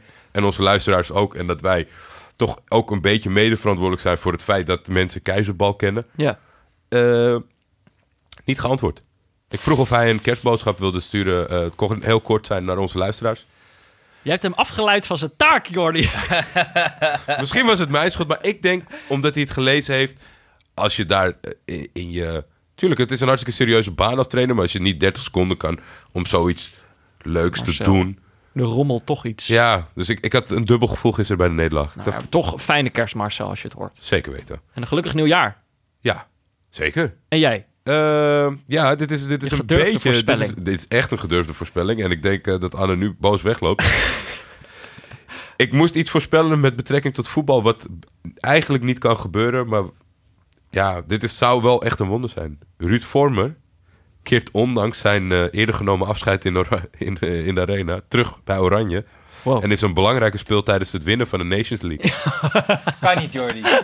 Doe je me aan? En daarnaast, eh, dit is minder, nou, ik denk eigenlijk wel ook net zo gedurfd. Giovanni Troepé wacht nog één jaar op Oranje. En daarna stelt hij zich beschikbaar voor de andere nationaliteit.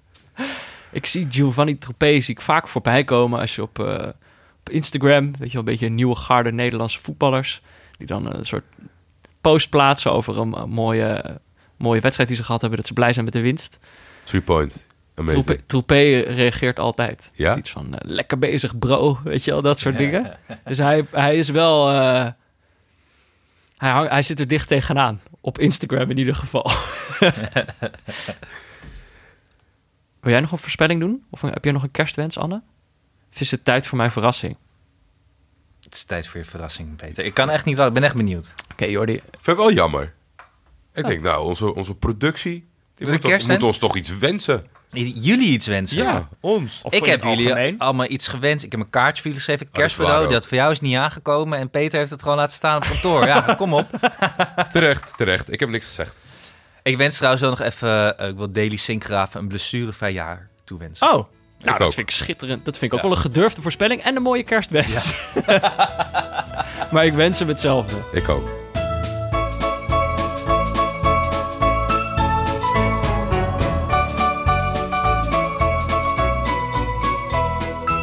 Eh Jordi, Ja, genoeg over voetbal. Ik dacht, het is natuurlijk kerst. Ik heb een kerstverhaal geschreven. Ik, eh, ik zie allemaal blaadjes. Zo, Het is een beetje uit de hand gelopen. Ik Ga begon, maar even voor zitten, beste luisteraar. Hou Een kopje thee. maar je mag Koekje reageren. erbij. Sorry, eh Dasmag, dat eh, Peter nu weer heel veel uren in iets anders heeft gestopt. Nou, het was een week toen ik het zat te schrijven. Ik dacht, ik kan dit niet... Ik kan dit niet met evenveel aandacht gaan doen als, dat, als al mijn andere dingen die ik geschreven heb. Want dan inderdaad, dan voelt het alsof ik eigenlijk beter mijn boek had kunnen... beter, beter kunnen doorwerken aan mijn boek. Dus ik heb het een beetje uit de losse pols gedaan. En daarom is het zo lang geworden. Oké, een kerstverhaal. Is het opgedragen aan iemand? Eh, nee. Nou, jawel, eigenlijk wel. Het gaat wel over iemand. Eh, maar niet dat er... Dat heb je met het boek toch gehad. Ga je dat ook doen met je boek? Voor, Nee. voor Daniel of Sophie of zo? Nee, nee, nee, want dan zou ik te veel mensen moeten noemen, denk ik. Oh, het is voor heel veel mensen dit. Want dan denk ik, ja, eigenlijk vind ik dan is het ook voor Jordi, weet je wel. En dan, eh, ja, eigenlijk ook wel een beetje voor jou. Het is gewoon voor alle luisteraars. Ja, nou, ja, Ja. precies. Nou, ja, dit verhaal in ieder geval wel, ja.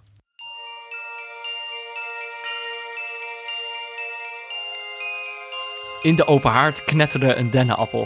De kinderen aten stukjes stol en speelden Fortnite. Moeder lag onder het dekentje op de bank en las een boek. Vader bladerde er nog wat door de krant en las een column van Willem Vissers over het moderne voetbal. Af en toe fronste hij. Wat zou Willem Vissers nou weer bedoelen met die metafoor, kon je hem horen denken. Maar even zo makkelijk schudde hij die verwarring ook weer van zich af. Wat maakt het ook uit, dacht hij dan. Het is kerst. Gezellig zo, hè? Met z'n allen, zei vader tegen zijn gezin. Maar hij kwam nauwelijks boven de schietgeluiden van Fortnite uit. Zijn kinderen waren zonder het te weten in een zware strijd verwikkeld met Ousmane Dembele. ook, in, ook in Spanje was het kerst. De Primera Division had winterstop. De buitenspeler van Barcelona kon eindelijk lang uit op de bank ongestoord eindeloos het kleurrijke schietspel spelen tegen tienjarigen van over de hele wereld. Nu even niet, pap, zeiden de kinderen tegen hun vader. We zitten midden in een potje. Ook moeder keek naar de opmerking van vader geërgerd op uit haar boek. Ze las de biografie over Cor Pot, de assistent van Dick Advocaat tijdens zijn gloriedagen bij Zenit Sint-Petersburg. Ze was net diep verzonken in het hoofdstuk waarin Dick en Cor na hun Europa League succes werden uitgenodigd door Vladimir Poetin. Het was een hartverwarmende scène, sc- scène wanneer de dictator van Rusland Dick een heerlijke kom borst aanbiedt en herhaaldelijk vraagt: Who is this man? Terwijl hij verward naar Kort Pot blijft wijzen. That's Korpot, Mr. Poetin, probeerde Dick Advocaat aanvankelijk nog uit te leggen. Maar het leek niet aan te komen bij de president, die in zijn politieke loopbaan veel lof wist te oogsten door het vermoorden van oppositieleiders. Ja, het was een mooie scène, vond moeder. Hoe Korpot urenlang zwijgend in een stoel in de hoek van de kamer had moeten toekijken. Hoe Dick Advocaat met lange, lange tanden een kom, kom borst leeglepelde. Maar net tijdens dat hoogtepunt moest vader weer zo nodig beginnen over de gezelligheid. Ja, lieverd, zei ze. Heel gezellig zo. Vader voelde dat hij overstroomd werd door een gevoel van warmte. Zo hoorde kerst te zijn. Met z'n allen zwijgend in een kamer zitten. Iedereen lekker bezig met zijn eigen ding. Gezellig. Wat het gezin niet doorhad, was dat ze bekeken werden. Vanuit het donker buiten stond iemand weemoedig naar binnen te turen. Het was een eenzaam figuur. Hij slenterde over straat zoals Saint Juste een piano bespeelt. Hij zag toe hoe uit alle huizen een warm geel licht straalde. Soms bleef hij staan om naar binnen te kijken en alles te zien wat hij zelf niet had: liefde, warmte, gezelligheid, een dak boven zijn hoofd. Als de mensen niet zo druk met zichzelf waren geweest, hadden ze hem misschien kunnen zien staan, smachtend voor het raam. The special one. José Mourinho. José Mario dos Santos Mourinho Felix uit Setúbal. Als trainer van Manchester United woonde hij bijna twee jaar in Hotel de Lowry. Maar na zijn ontslag op een doodnormale dinsdagochtend had hij direct uitgecheckt, een bon van zes ton betaald en sindsdien was hij op drift geraakt. Hij liep doelloos over straat met een holte in zijn borst. Hij kon het gevoel niet onderdrukken dat hij de magie was kwijtgeraakt. Natuurlijk was het voetbal al slecht sinds zijn aantreden en kritiek was er altijd al geweest, maar er was één ding dat hem echt had geraakt. 13 maart 2018. Een headline op VI Pro. Waarom de Special One niet zo special meer is. Auteur Pieter Zwart. Hij had het stuk verder niet gelezen. Dat kon ook niet, want hij had geen abonnement. Maar bij dat ene stuk was het eigenlijk al fout gegaan. Sindsdien was hij het gevoel kwijtgeraakt. In zijn vingertoppen. Hoe heette dat ook alweer? Een Duits woord was het toch? Vingerspitsengevoel. Ach, wat konden die Duitse woorden hem eigenlijk ook schelen? De somberheid had beslag op hem gelegd. Misschien had Pieter Zwart ook wel gelijk, dacht hij terwijl hij in een regenplas stapte en voelde hoe zijn sokken langzaam na- nat werd. Misschien was hij ook wel niet zo special meer. José! galmde een zware stem over de regenachtige straat. De Special One keek geschrokken om zich heen. Waar kwam die stem vandaan? Wie was dat? Hij zag niemand en even dacht hij dat hij het zich verbeeld had. Dat het gewoon weer een visioen van Paul Pogba was. Dezelfde waar hij al zoveel nachten van wakker had gelegen. Maar kort daarna klonk opnieuw de galmende stem. Nu dichterbij. José! Voor hem leken rookpluimen uit het niets op te steken. Geïntrigeerd liep José Mourinho dichterbij. Zijn hart ging sneller kloppen toen hij in de rookpluim een gezicht kon onderscheiden. Wie, stotterde hij, wat ben jij? De rook leek van kleur te veranderen en bleef uiteindelijk hangen in de felgele kleur van een scheidsrechtershirt. Mourinho hield zijn adem in.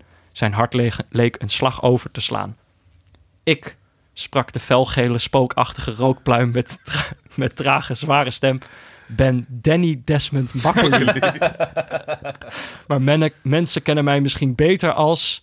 In gedachten maakte José Mourinho de zin al af. Maar nee, dat kon toch niet waar zijn? Bestond hij echt? De VAR, sprak de geest met luide stem. Het galmde secondenlang over de lege straat. Mourinho kon geen woord uitbrengen. José, sprak de VAR. Ik voel dat jij radeloos bent. Je hebt jezelf nu voor de derde keer op rij onmogelijk gemaakt. Real Madrid, Chelsea, Manchester United. De mensen zijn hun geloof in jou verloren. Je bent niet, on- je bent niet onaanta- onaantastbaar meer. De grote clubs willen niet, niet meer naar je pijpen dansen. De woorden sneden door Mourinho heen. Hij wilde tegenwerpen dat het niet door hem kwam, dat het de media was, dat de mensen hem niet begrepen, dat het bestuur van Manchester United hem niet toestond om nog meer dure spelers te halen en ze op de bank te zetten. Maar hij dacht aan Pieter Zwart.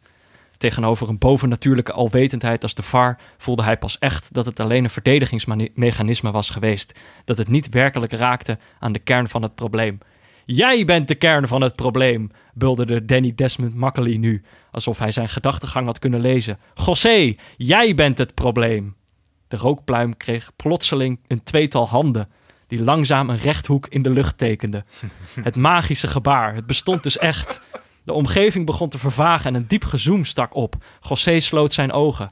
Het voelde alsof hij werd opgetild en werd meegenomen naar een plek ver weg. Het voelde een beetje als een achtbaan. Misschien wel de drugsbezochte achtbaan van Six Flags. Na een tijdje bemerkte hij het gezoem- dat het gezoem om hem heen geen gezoem was, maar gejuich van supporters. Toen hij zijn ogen opende, zag hij dat hij hoog in de tribunes van de Arena auf Schalke stond. Je weet waar we zijn, hè? sprak Danny Desmond Macaulay. José knikte. Hij had een brok in zijn keel gekregen. 26 mei 2004, zei de VAR. De finale van de Champions League.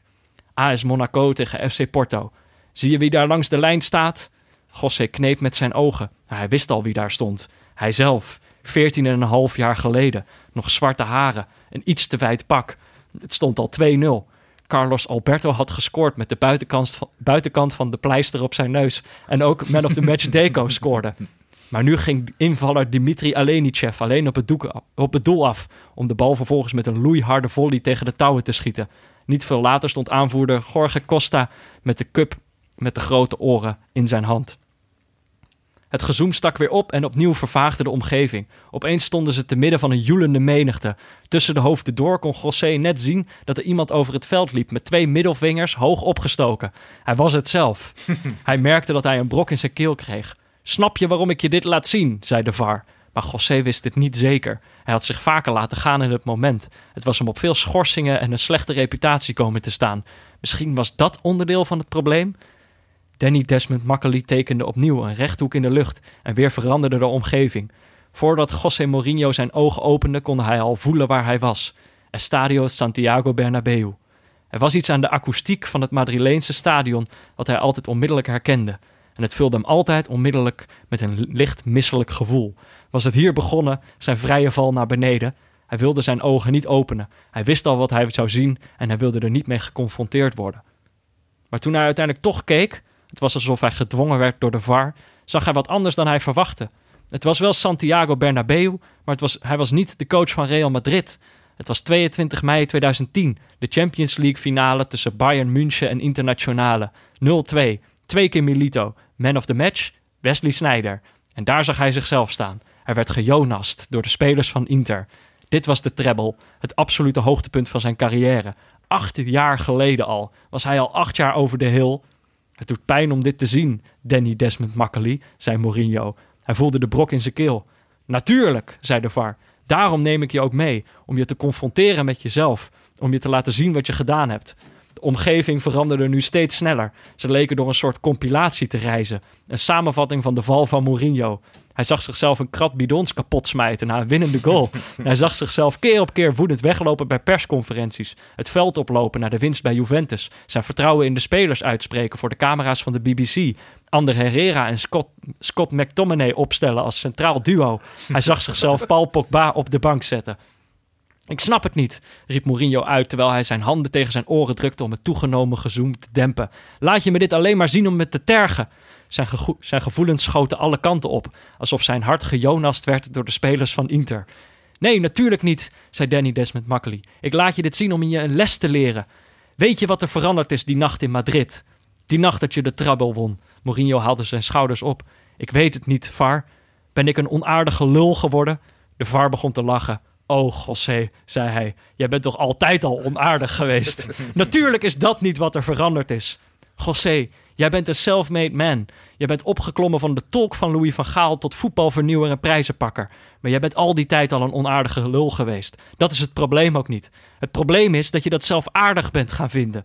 In jouw weg naar de top, tijdens al jouw succesjaren, heb jij je nooit iets aangetrokken van wat mensen van jou vonden. Het kon je gewoon geen klap schelen. Daarom was jij werkelijk de special one. Maar nu, ik heb je wel zien zitten in je suite in de Lowry. Met een zielig bordje roomservice eten naast je bed. In je onderbroek scrollen over Twitter. En zien hoe mannetjes als Sam Planting en Pieter Zwart opschrijven dat je rijp bent voor de slacht. Ik heb gezien hoe het je raakt, José. Je bent een zielige, kwetsbare man geworden.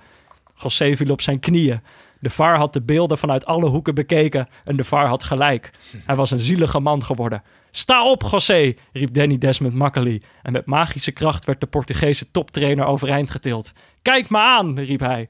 Maar ik weet niet wat ik moet doen, riep José Mourinho terug. Ik ben het kwijt. Nou en, riep de VAR terug. Wat maakt het nou uit wat de mensen over jou schrijven? Ze snappen er toch niks van. En toen rustiger, luister Mourinho. Het enige wat jij moet doen is opnieuw scheid hebben aan iedereen. Dan word jij pas weer the special one. En toen werd het plotseling doodstil. Mourinho opende zijn ogen en zag dat hij weer op de regenachtige straat stond, voor het raam waarachter twee kinderen Fortnite zaten te spelen. Maar hij voelde zich minder hopeloos. Wat had de VAR hem geleerd? Wat was de ware betekenis van kerst? Egoïsme? Nihilisme? Scheid hebben? De holte in zijn borst was gevuld, merkte hij nu. Hij kon weer ademhalen zonder steeds diep te zuchten. Hij stapte weg van het raam en vervolgde met hernieuwde moed zijn tocht over de straat. Al die mensen daarbinnen hebben mij afgeschreven, wist hij, maar het kon hem niet meer raken. En met die boodschap Misschien moeten we hier even een, een, een luider applaus onder zetten. dat is het zeker waard. Fantastisch. Dit is mijn kerstverhaal. Ja, Mooi. prachtig kerstverhaal. Ik denk ook al in de realiteit, in de kerstsfeer bij de laatste duel van Manchester United. Ja, ik vond het echt fantastisch uit- aansluiten. Want ik heb nog nooit een ploeg zo bevrijd gezien. Zo ongelooflijk bevrijd. Het was, oh, je, hebt meestal wel caretaker manager en het gaat even, weet je. Zo'n zo Ja. tussenpauze die ineens wat, maar prachtig. En het sluit aan op eh, wat we hebben gezien afgelopen weekend in Cardiff. Een kerstboodschap. Wat is het toch fenomenaal dat Danny Makkely gewoon echt Desmond ook nog heet, hè? Het is fenomenaal dat we daarvoor livescore moeten bedanken. Ja. Nou, met die boodschap, beste luisteraars, een boodschap van egoïsme, nihilisme en scheid hebben, wens ik iedereen een, eh, een fijne kerst en alvast een gelukkig nieuwjaar. Zeker. Eh, dan kunnen we afsluiten, toch? Ik denk wel dat we moeten gaan afsluiten inmiddels, ja. Voor nu was dit Neutrale Kijkers in samenwerking met Dag en Nacht Media. Dankjewel Anna dat je, dat je hier zat. Jij ook. Fijne feestdagen. Jij ook. Gelukkig nieuwjaar. Veel dank aan onze hoofdsponsor Kiks. Eh, aan Pieter Zwart, gewoon in het algemeen. Eh, aan Barry Pirovano voor de schitterende illustratie. Laurens Collet voor de gegenpressing jingle. En aan Studio Cloak en Leon Lischner en Friends voor de muziek. Ehm, even kijken, volgende week zijn we er niet. Nee. Je kunt wel allerlei leuke berichtjes naar mij of Jordi op Twitter sturen. Of een eh, recensie achterlaten in je podcast-app. Ehm, is dit dan misschien... We hadden een leuk idee voor een soort blokje. Toch? Ja, Dit past misschien ook nog wel een beetje bij het kerstrapport-idee. Dat ehm eh, Dag en Nacht Media wil graag toch onze luisteraars iets beter leren begrijpen. Ze willen toch even weten wat er nou eigenlijk omgaat in luisteraars... terwijl ze naar eh, neutrale kijkers luisteren. Dus wij dachten eh, een blokje vrije associatie. Eh, ehm, eh, misschien kun je gewoon insturen... en dan kunnen we dan het nieuwe jaar weer mee openen. Gewoon dingen waar je aan moet denken. tijdens het luisteren. En dat mag alles zijn. Ja? Nou ja, wel voetbal gerelateerd het liefst. Wat was het nou? Een uitslag, een wedstrijd. Ja, ik zal, ik zal een tweetje plaatsen die jij eh, dan ook kan delen. En dan kunnen mensen daarin of, of, of binnen de tekens of met steekwoorden... dan kunnen wij daar eh, in het begin van het nieuwjaar op reageren. Ja, je kunt natuurlijk ook een eh, recensie in je podcast-app achterlaten. Volgend jaar zijn we dus weer. 8 januari waarschijnlijk. Nou, Moet goed komen. een heel neutrale kerst allemaal. Een heel neutrale kerst allemaal. Fijne feestdagen. Tot dan Jordi en Anne. Tot dan Peter en Anne. Oh shit, ja. Tot dan, Peter en Jordi. Oh, Ja. leuk dat ik dit mag doen.